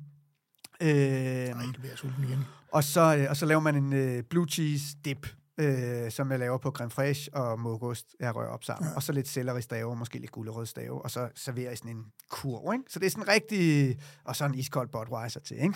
øh, Men jeg tænker, det... altså, når jeg tænker kanin, jeg tænker jo fuldstændig noget andet. Ja, ja, altså, men det er jo det, fordi så, så er det ligesom noget pasta, ragu og et eller andet, hvor, og så tænker, eller måske nu ved jeg ikke, hvad du tænker, men, men, eller, men hvad jeg- tænker du, når du, når du hører kanin?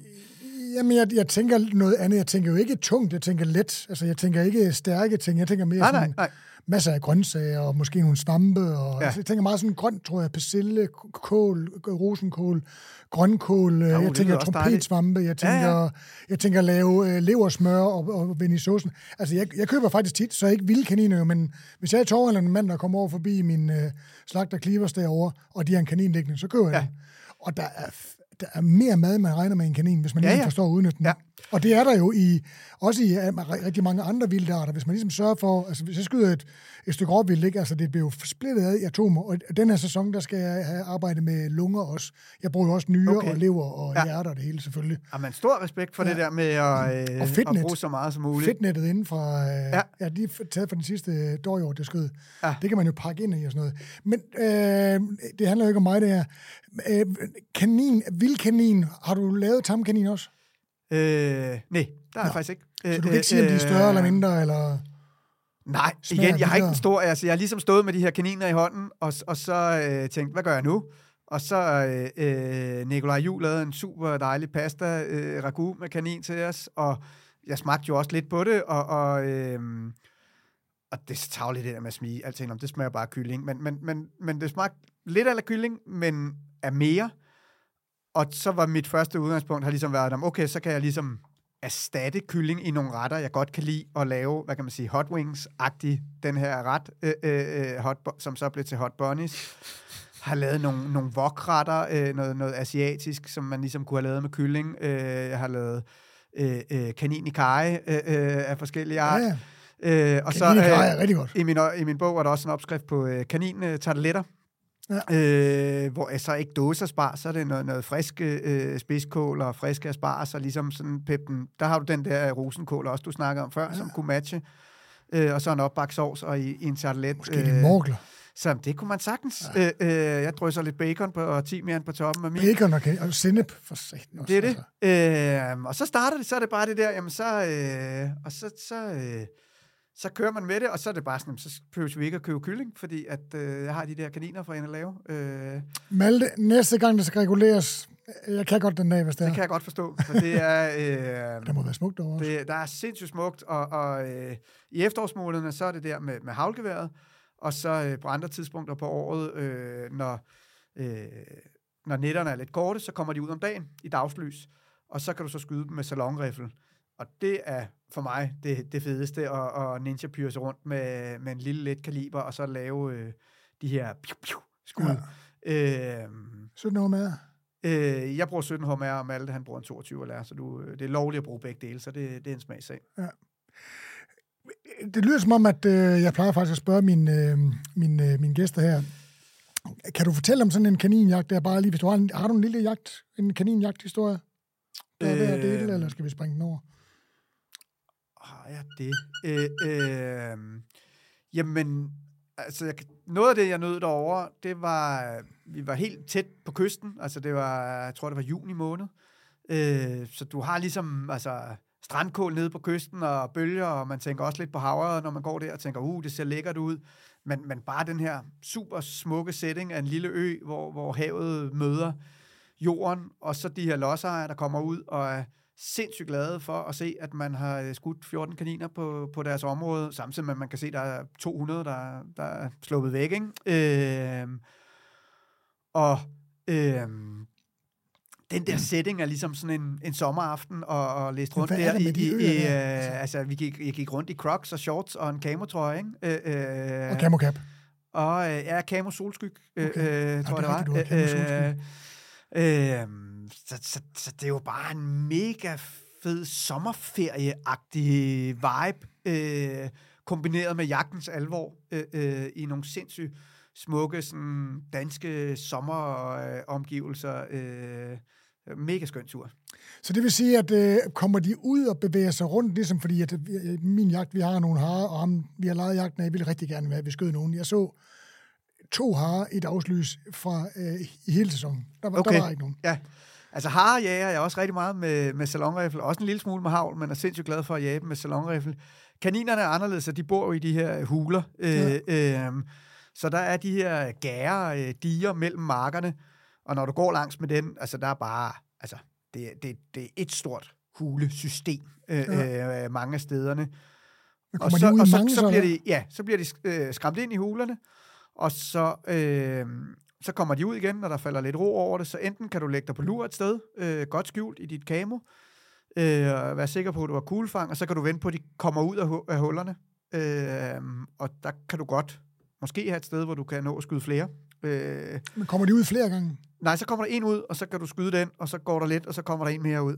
Øh, det, på den måde det er ikke nødvendigvis en super udfordrende jagtform, men du kan også godt gå langs de her diger, og så skal du ligesom tage højde for, for vindretning, og lige måske hvis jeg ligesom kravler lidt her, og så ligesom stikker jeg lige snuden op over og kan se, om der er nogen dernede, og er der kuglefang og så videre, så får du hele den her ninja pyrs øh, følelse.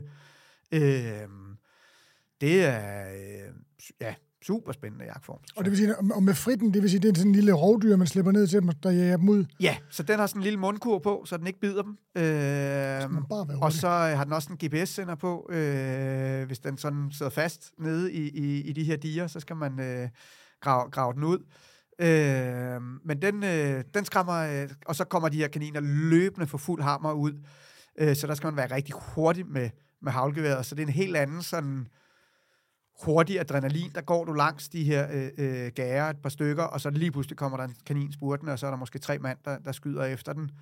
Øh, det er også super spændende, men jeg kan, jeg kan bedre lide det der riffelskud, se på den, tage en beslutning, er det en, jeg vil skyde, er det det rigtige skud, er, er der kuglefang, øh, øh, øh er min vejrtrækning ok, den proces, øh, som der er øh, i, i den form for riffeljagt, øh, er særligt tiltalende for mig.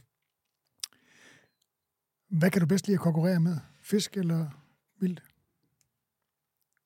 Der tror jeg faktisk, jeg vil sige fisk. Øh, at og det lyder lidt mærkeligt, men jeg har, jeg har oftere vildt i hænderne, end jeg har fisk. Øh, øh, og det er, fordi, jamen det er jo det, vi skulle om, det er fordi, du releaser. Altså, du... Nej, men det er jo også fordi, at når, når, når du skyder et rådyr, så er der, øh, så er der mange kilo kød. Ja. Når, når, øh, når, du, når du fanger en makrel, så, så, så er de to fileter jo hurtigt spist, ikke? Hvad hvis man skyder en døjhjort?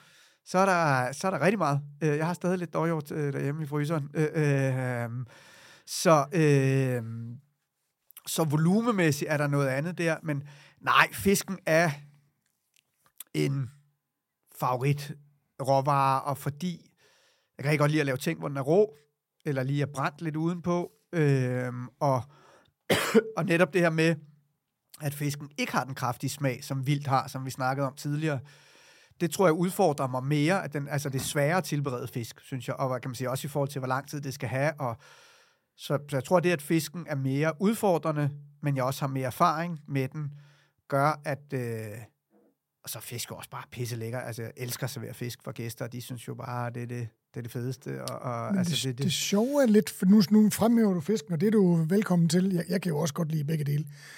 Men det er jo sjovt, fordi både vildt og fisk er jo noget, vi danskere er traditionelt notorisk fucked up dårlige til at lave. Altså, så, så, så du har kastet dig over og ligesom at prøve at motivere og inspirere andre mennesker til at gå i gang med at tilberede vildt og fisk, desuagtet, at det er jo noget, vi historisk set er virkelig, virkelig dårligt til.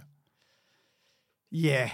men det tror jeg bare kommer det. Altså, det er jo ikke, altså, Jamen, jeg mener, det, det ligger jo ikke til mig at bare sige, nu skal jeg finde på nogle spændende måder at lave kartoffel på, eller sådan. Jeg skal jo stadig lave kartoffel til nogle af de retter, jeg har, og jeg vil da gerne lære at lave en god kartoffel, men, men det er jo ikke det, der driver mig, eller det, der hører hjemme i. Altså, så, så det, jeg har jo ikke truffet et eller andet bevidst valg om, hvad det er for nogle råvarer, jeg ligesom Nej, vil forholde du, mig men til. du må jo stadigvæk have en forståelse af det, fordi at, at du kender jo rigtig mange mennesker, når man snakker om, åh, oh, skal være vildt, ej, det det, det, det smager stærkt, og så er det sådan helt vildt tørt og sådan noget. Og ved du, hvad de siger om fisk? Ej, det smager jo helt vildt stærkt, og så er det meget, meget tørt, når man spiser det. Men det er jo fordi, at folk ikke ved, hvordan de skal tilberede det. Det har du så til synligheden fundet ud af at knække koden på, hvordan man gør det, og hvordan, hvordan gør man det? Jamen det, og det er jo helt forskelligt. Altså det kommer også meget på, om det er nogen, der kan lide fisk eller sådan. Ikke? Jeg har jo også nogen... Jamen, der er, ikke nogen, har, der har... er ingen, der kan lide en torsk, der er kogt i 25 minutter nede i noget, spilkogt nede i noget vand. Nej, nej. Med nogle store mele kartofler. Det er der ingen mennesker, der kan lide i 2023. Nej. Alle mennesker kan lide et lille stykke torskefilet, der er pakket ind i serrano-skinke og lige vendt på grillen eller under grillen. Med, med lidt, lidt, lidt, øh, øh, så den ligesom den kan man, og den kan man jo køre som en lille harper, eller som en forret, eller som en slider øh, øh, med lidt tartarsauce inde i en lille bolle, øh, hvis vi skal tilbage til den der fastfood. Øh, jeg skal lige sige, at uh, Gordon øh, har lovet at lave en lille, en lille uh, forståelsesliste over alle de ord, han bruger. Du har nævnt otte saucer, jeg har aldrig hørt om før. Tartarsauce? Nå, tartarsauce. Tartar, ja, det er American, det hedder tartarsauce. Okay, tartarsauce. Øh, øh, Sorry. Og så, øh, Ja, men det, det er godt, at vi lige kan, kan, kan få oversat nogle af, nogle af tingene. Nu glemte jeg, hvad jeg var ved at sige. Nej, det er, jo, fordi, jo, jeg, nu kan jeg huske, hvad det var med, øh, om folk kan lide fisk. Det kom, at, at du kan lave noget, som ligesom, hvor fisken skinner meget igennem. Jeg har, også, jeg har boet et halvt år i Tromsø, og øh, der, altså supermarkeder deroppe er ganske forfærdelige, og man kunne ikke købe noget ordentligt kød. Jo, vi fik noget rensdyrkød og noget sælkød en gang imellem med nogen deroppe, som var sjovt at lege med. Men ellers så spiste vi sindssygt meget torsk, som jeg selv fangede, og havkat og brosme, fordi man kunne bare fange uendeligt med fisk op i, op i havet deroppe, og jeg var fattig studerende, har jeg nær sagt. Øh, så vi blev trætte af at spise fisk. Så der øh, har jeg en ret, der er med i et liv i fisk, der hedder Tromsø Curry, hvor det er sådan en kokosmælk, øh, kaj, pasta, øh, ting, som du hælder ud over torsken og smider den i ovnen, og så med ris, og så lidt frisk øh, æble, koriander, forsløg, relish, chili ting ovenpå. Og øh, den elsker øh, alle, jeg serverer den for. Øh, man kan også bare lave den med kylling. Det kan folk også godt lide. Men, men den smager jo ikke af torsk. Altså, den smager jo af kokos og af kaj og, og, og af forårsløg og koriander, ikke? Øh, men det er en måde, som folk rigtig godt kan lide fisk på. Og, øh, og så kan jeg have lyst til at lave den, og så den anden dag, der vil jeg gerne lave en, en, øh, en dampet torske øh, papillot, hvor du kan smage, at det er et stykke torsk, du, du spiser, ikke? Ja. Øhm, men den er sværere at ramme præcist, ligesom vi snakkede om før. Ikke? Men griber du, altså, nu, nu, nu er referencen i dag jo jagt. Altså, kan man godt, kan man godt sidestille jagt, øh, altså undskyld jagt, vildt retter, altså vildt kød, skal jo også tilberedes med omtanke. Helt, jo jo, altså min tilgang er det samme, øh, vil jeg sige, om, om vil jeg lave noget, hvor det er en powerret, hvor der er alle mulige ting, eller vil jeg lave noget, hvor vilde smag skinner vildt meget igennem, og så er det jo også, hvem er ens publikum, eller sådan skal jeg lave mad til familien, er det, er det nytårsaften, er det, er det over bål, og det skal være rigtig drengerøvsmad, øh, øh, også de praktiske omstændigheder, hvor meget skal jeg forberede hjemmefra, skal det laves ude i skoven, så skal det være noget, der er nemt, og, og, og øh, så der er alle mulige tanker, der går ind i, hvad for en, hvad for en ting, man, man laver. Øh, altså jeg kan sige, en ting, jeg synes, jeg har lært med at lave vildt, det er generelt, der er ligesom to måder. Enten så skal det bare have rigtig lang tid ved lav varme, og det kan være en simre Mexico øh, barbacoa gryde eller, eller øh, smide noget på min Traeger øh, slow øh, cook øh, smoke øh, grill, og, og lade det få en, øh, en halv dag med, med, med røg og lav varme. Eller det skal det være det modsatte, det skal være øh, stegt super rosa, eller endnu bedre øh, øh, råt, men, men brændt på ydersiden, eller helt råt, øh, rent tartar øh, elsker sådan noget rådyr og dårdyr, øh, øh, som, som tatar på den ene Men eller den anden måde. det er jo en ny ting. Altså, det er jo sådan noget, ikke noget, man rigtig har fået. For jeg, jeg, fordi jeg kan huske de første, da min, min, øh, ja, min tidligere kollega, ham som kører Kong Hans videre nu, som også kommer som gæst i det her program, Mark Lundgaard, lige da han overtog restauranten, der, begyndte, der sagde ved han meget sådan noget øh, dårdyr tatar, hvor jeg tænkte, okay, det er jo det er lidt ulækkert, det der, er det ikke det? Og det må jeg jo bare sige, undskyld Mark, det er det jo ikke. Det smager jo mega godt. Altså. Øh, og det, selvfølgelig så kræver det jo en masse omtanke i forhold til hygiejne og sådan. Øh, jeg tror også, der, jeg har jo igen det her med at lære af de dygtige kokke. Jeg har været meget forvirret af det stadig omkring det her med at lade sit kød modne. Øh, og har spurgt dig ved flere lejligheder, øh, Nikolaj Jul og Christian Puglisi, som, som er to øh, gode kammerater, sindssygt dygtige kokke og jæger, øh, spørger jeg også til det her, og det jeg lidt er nået frem til, det er, at, at øh, jeg prøver stort set altid at enten lave ting frisk, eller få det på frost så hurtigt som muligt, så jeg modner stort set slet ikke mit kød. Og det tror jeg, der er nogle ting, der går tabt i det, men jeg føler, der er nogle ting i forhold til hygiejne og sikkerhed og friskhed, som der også er vundet ved det. Øh, du går i hvert fald ikke galt med det, har jeg nær sagt. Og der tror jeg, der er nogle gamle jægertraditioner, hvor man ligesom havde sådan noget med en hare skulle, skulle øh, hænge til den faldt af benene og sådan noget. Så, så, så det er jo ikke så mærkeligt, at der er nogle folk, der både synes, at nogle ting smager lidt mærkeligt, eller er bange for at spise noget øh, råt som tartar, fordi der bare var en anden tilgang til, øh, øh, eller måske stadig er det i nogle kredse, til, til øh, hygiejne og hvordan man håndterer sit vildkød. Og ja, der, der, der, er, der er jeg super, hard, super hardcore med øh, at have køleboks og handske og rene knive og få tingene på køl og frost med det samme. Og, og øh, ja.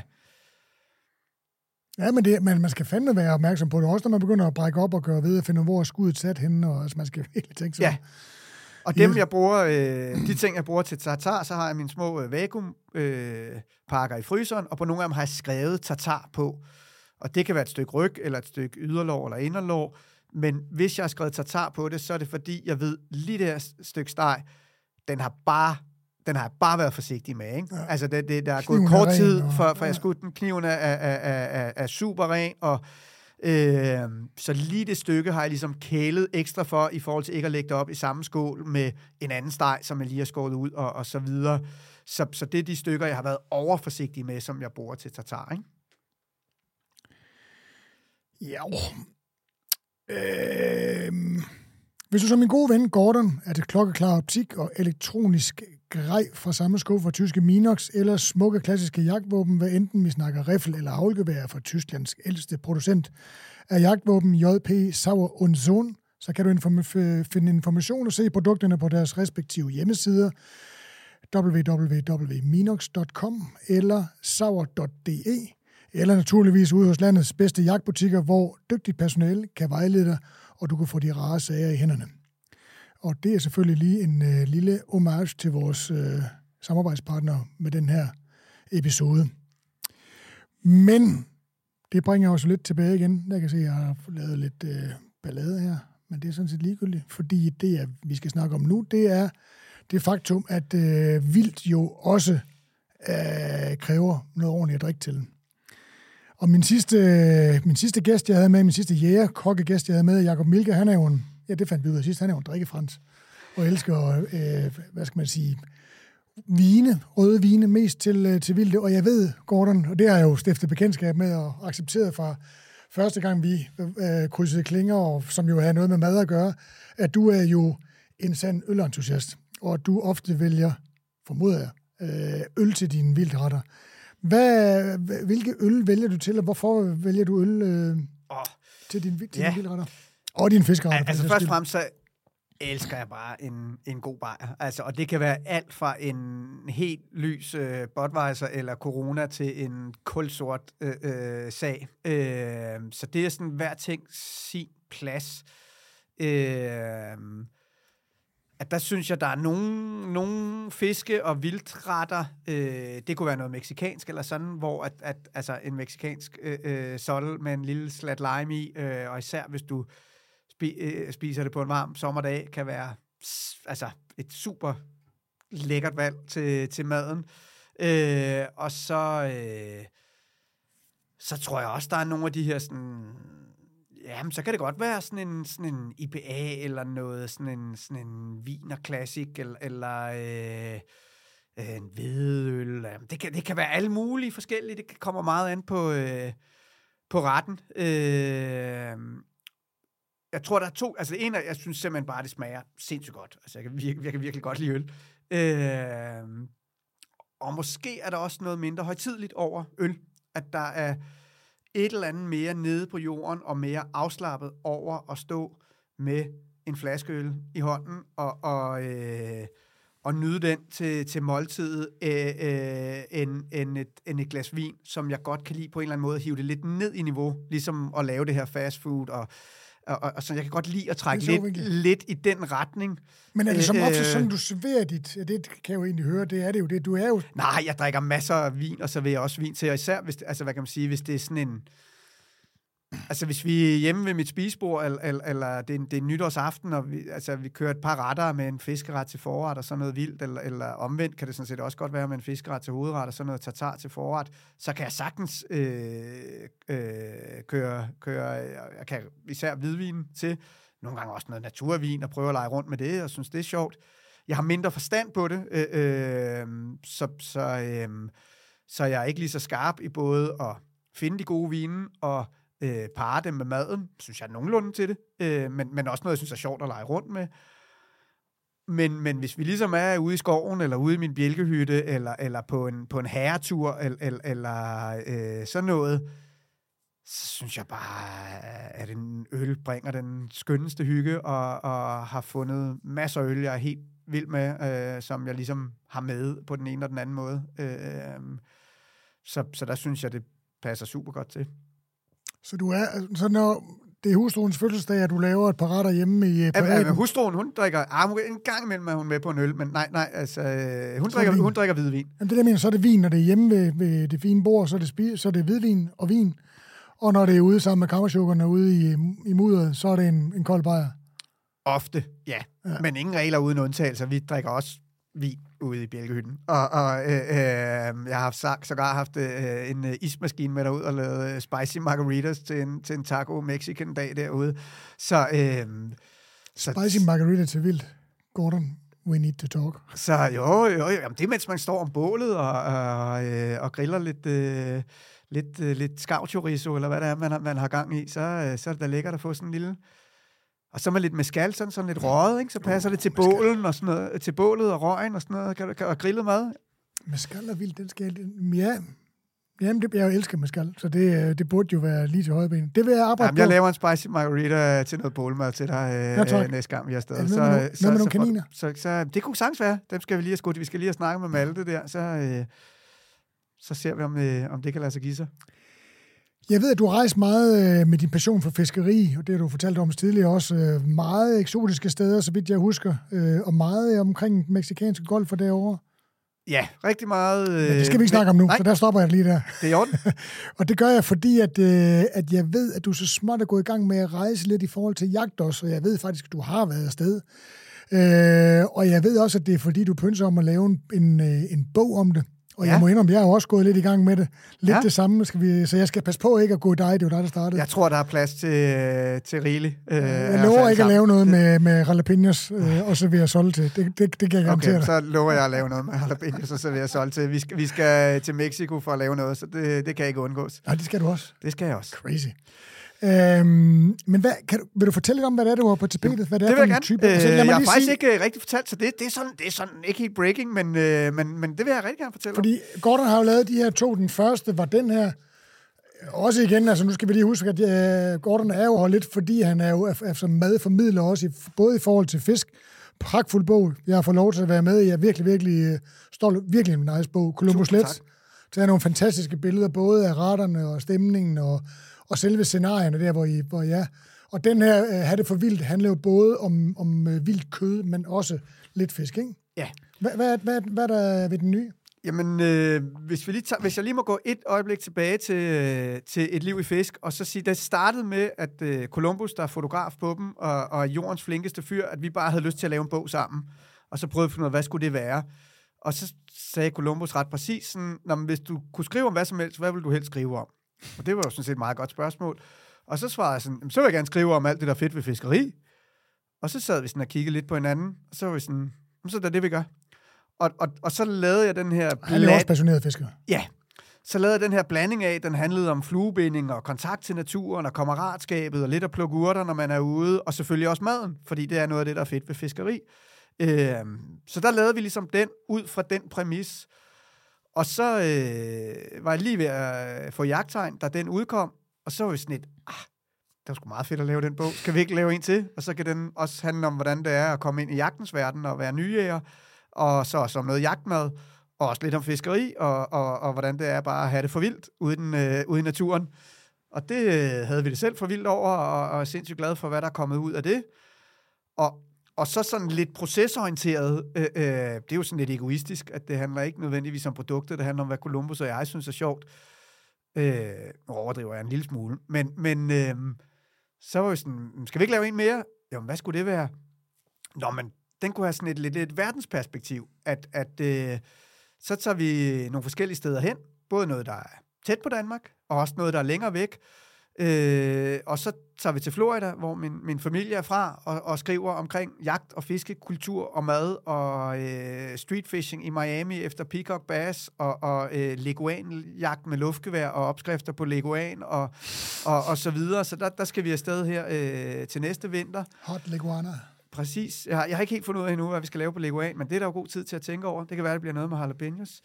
Øh, og så, øh, så skal vi til Mexico og øh, besøge dem, jeg kalder min, min meksikanske familie, som er en familie. Er det den nye vinkel? Fordi jeg har jo egentlig kun hørt Det er den nye vinkel. Det er, altså, det er, hvad kan man sige, forskellige kapitler. Vi har været afsted i Finland.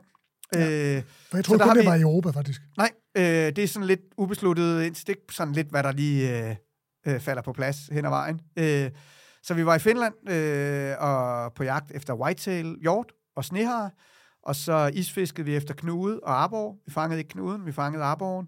Øh, og så var vi i en hulsmasse sauna, øh, fem forskellige saunaer på fire dage.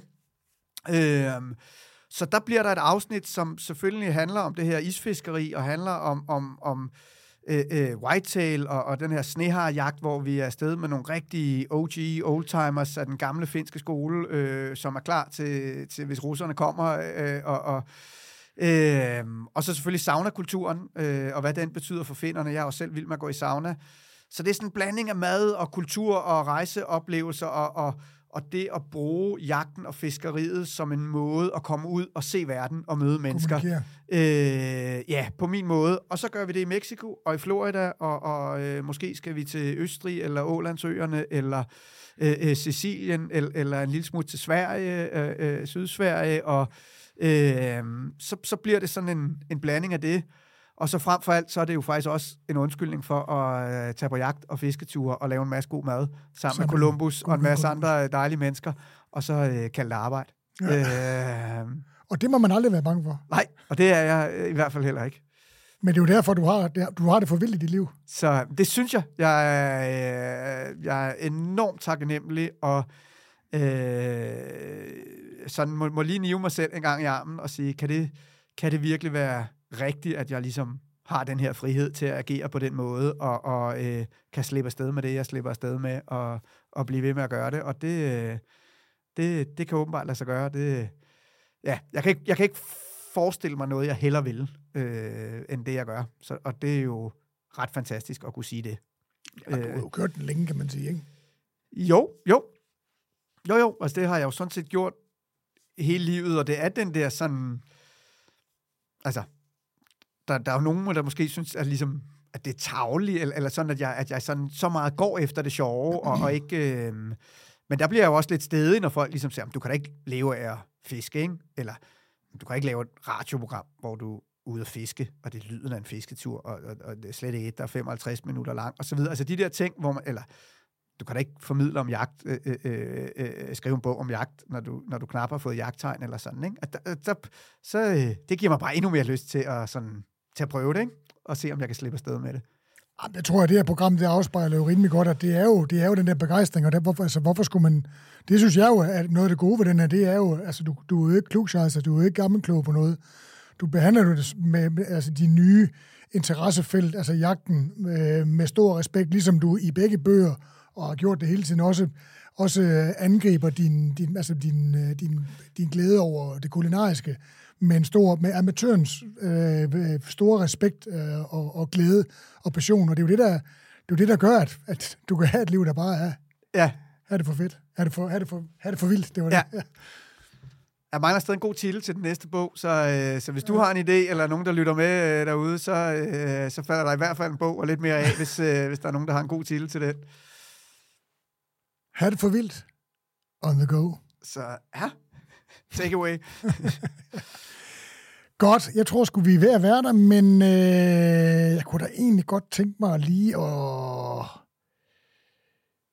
Jamen, jeg kunne da godt tænke mig lige at høre, om det er noget, du har at tilføje, men først kunne jeg da godt lige tænke mig at spørge om, at, at det, ud fra tanken om, at de fleste jo jæger har en våd drøm om et eller andet specifik art, øh, jade på et eller andet helt specifikt sted, eller måske med et eller andet helt specifikt våben, drømmevåben, hvad ved jeg, drømmested, drømmeart.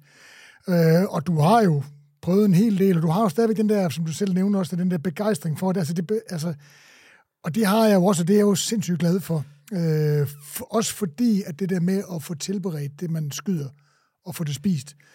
Derfor tror jeg hellere, jeg vil jage en gemse i Østrig, og, og, og, og, og, og hvis det var lykkes mig at nedlægge den, få den ned og få, spist den, og her er der man også mulighed til at få den tage den med hjem, hvis man går ned og skyder et kæmpe trofæ på en eller anden kæmpe, øh, hvad ved jeg, øh, sabelantilope eller andet i Sydafrika. Det er sådan, spisedelen af det er sådan lidt svær.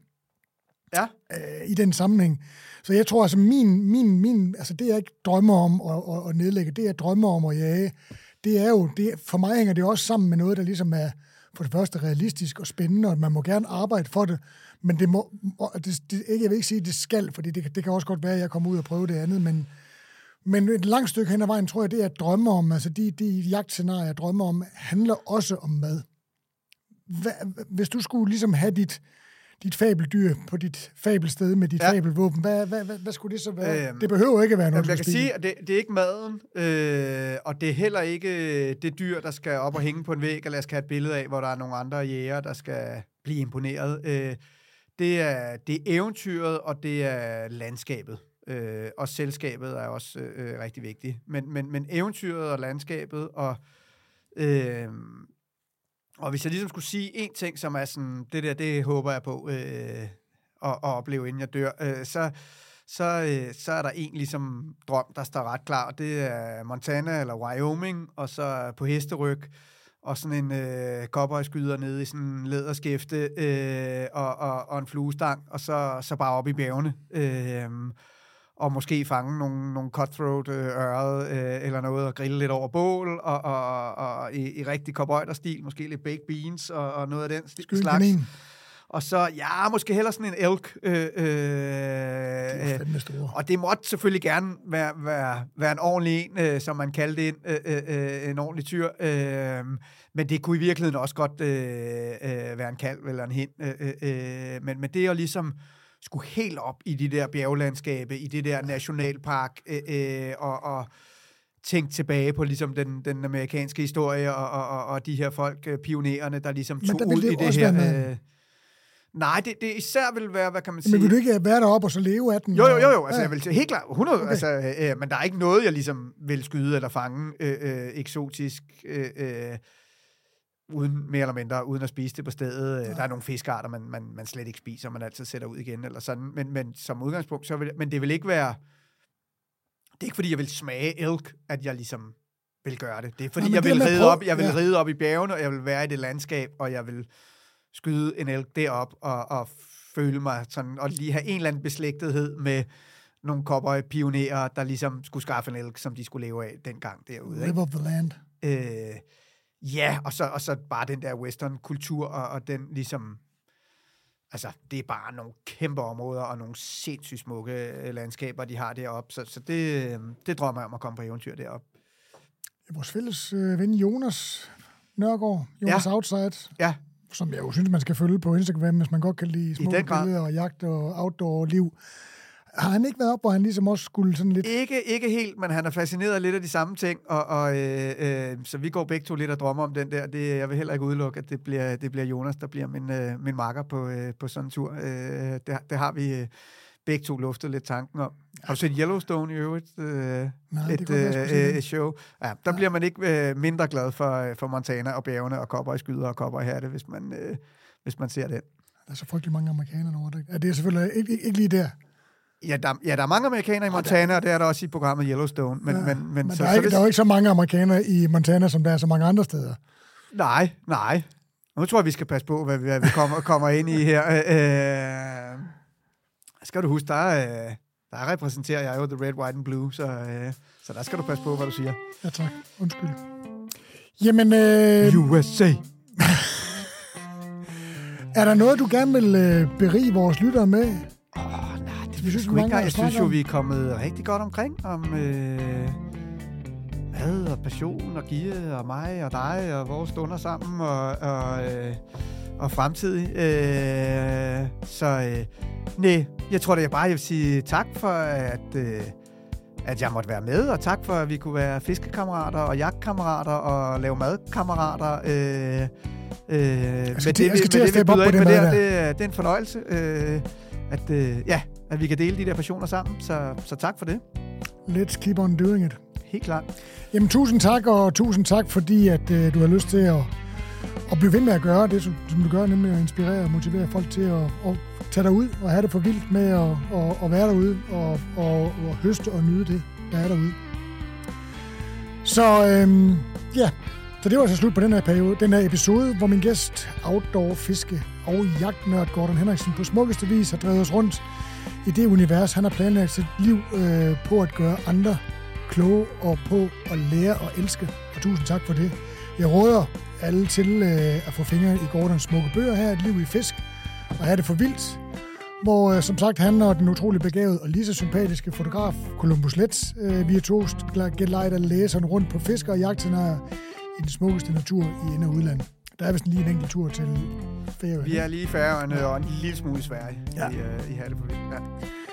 Og så er det vel også en, øh, på sin plads at sende en kærligt, øh, kærlige tanker i retning af Blaser Group, som er distributør af Minos Optik og jagtvåben fra JP Sauer und Sohn.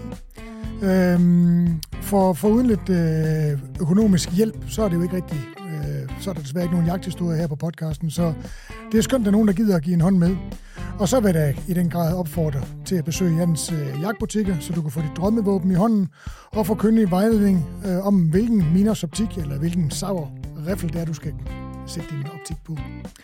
Knæk og bræk derude, tusind tak, og tusind tak til jer, øh, der ikke er jæger, men som jeg håber tålmodigt har lyttet med øh, til denne her lille podcast. Episode af Kok og Kok imellem. one. Make a black. Boom.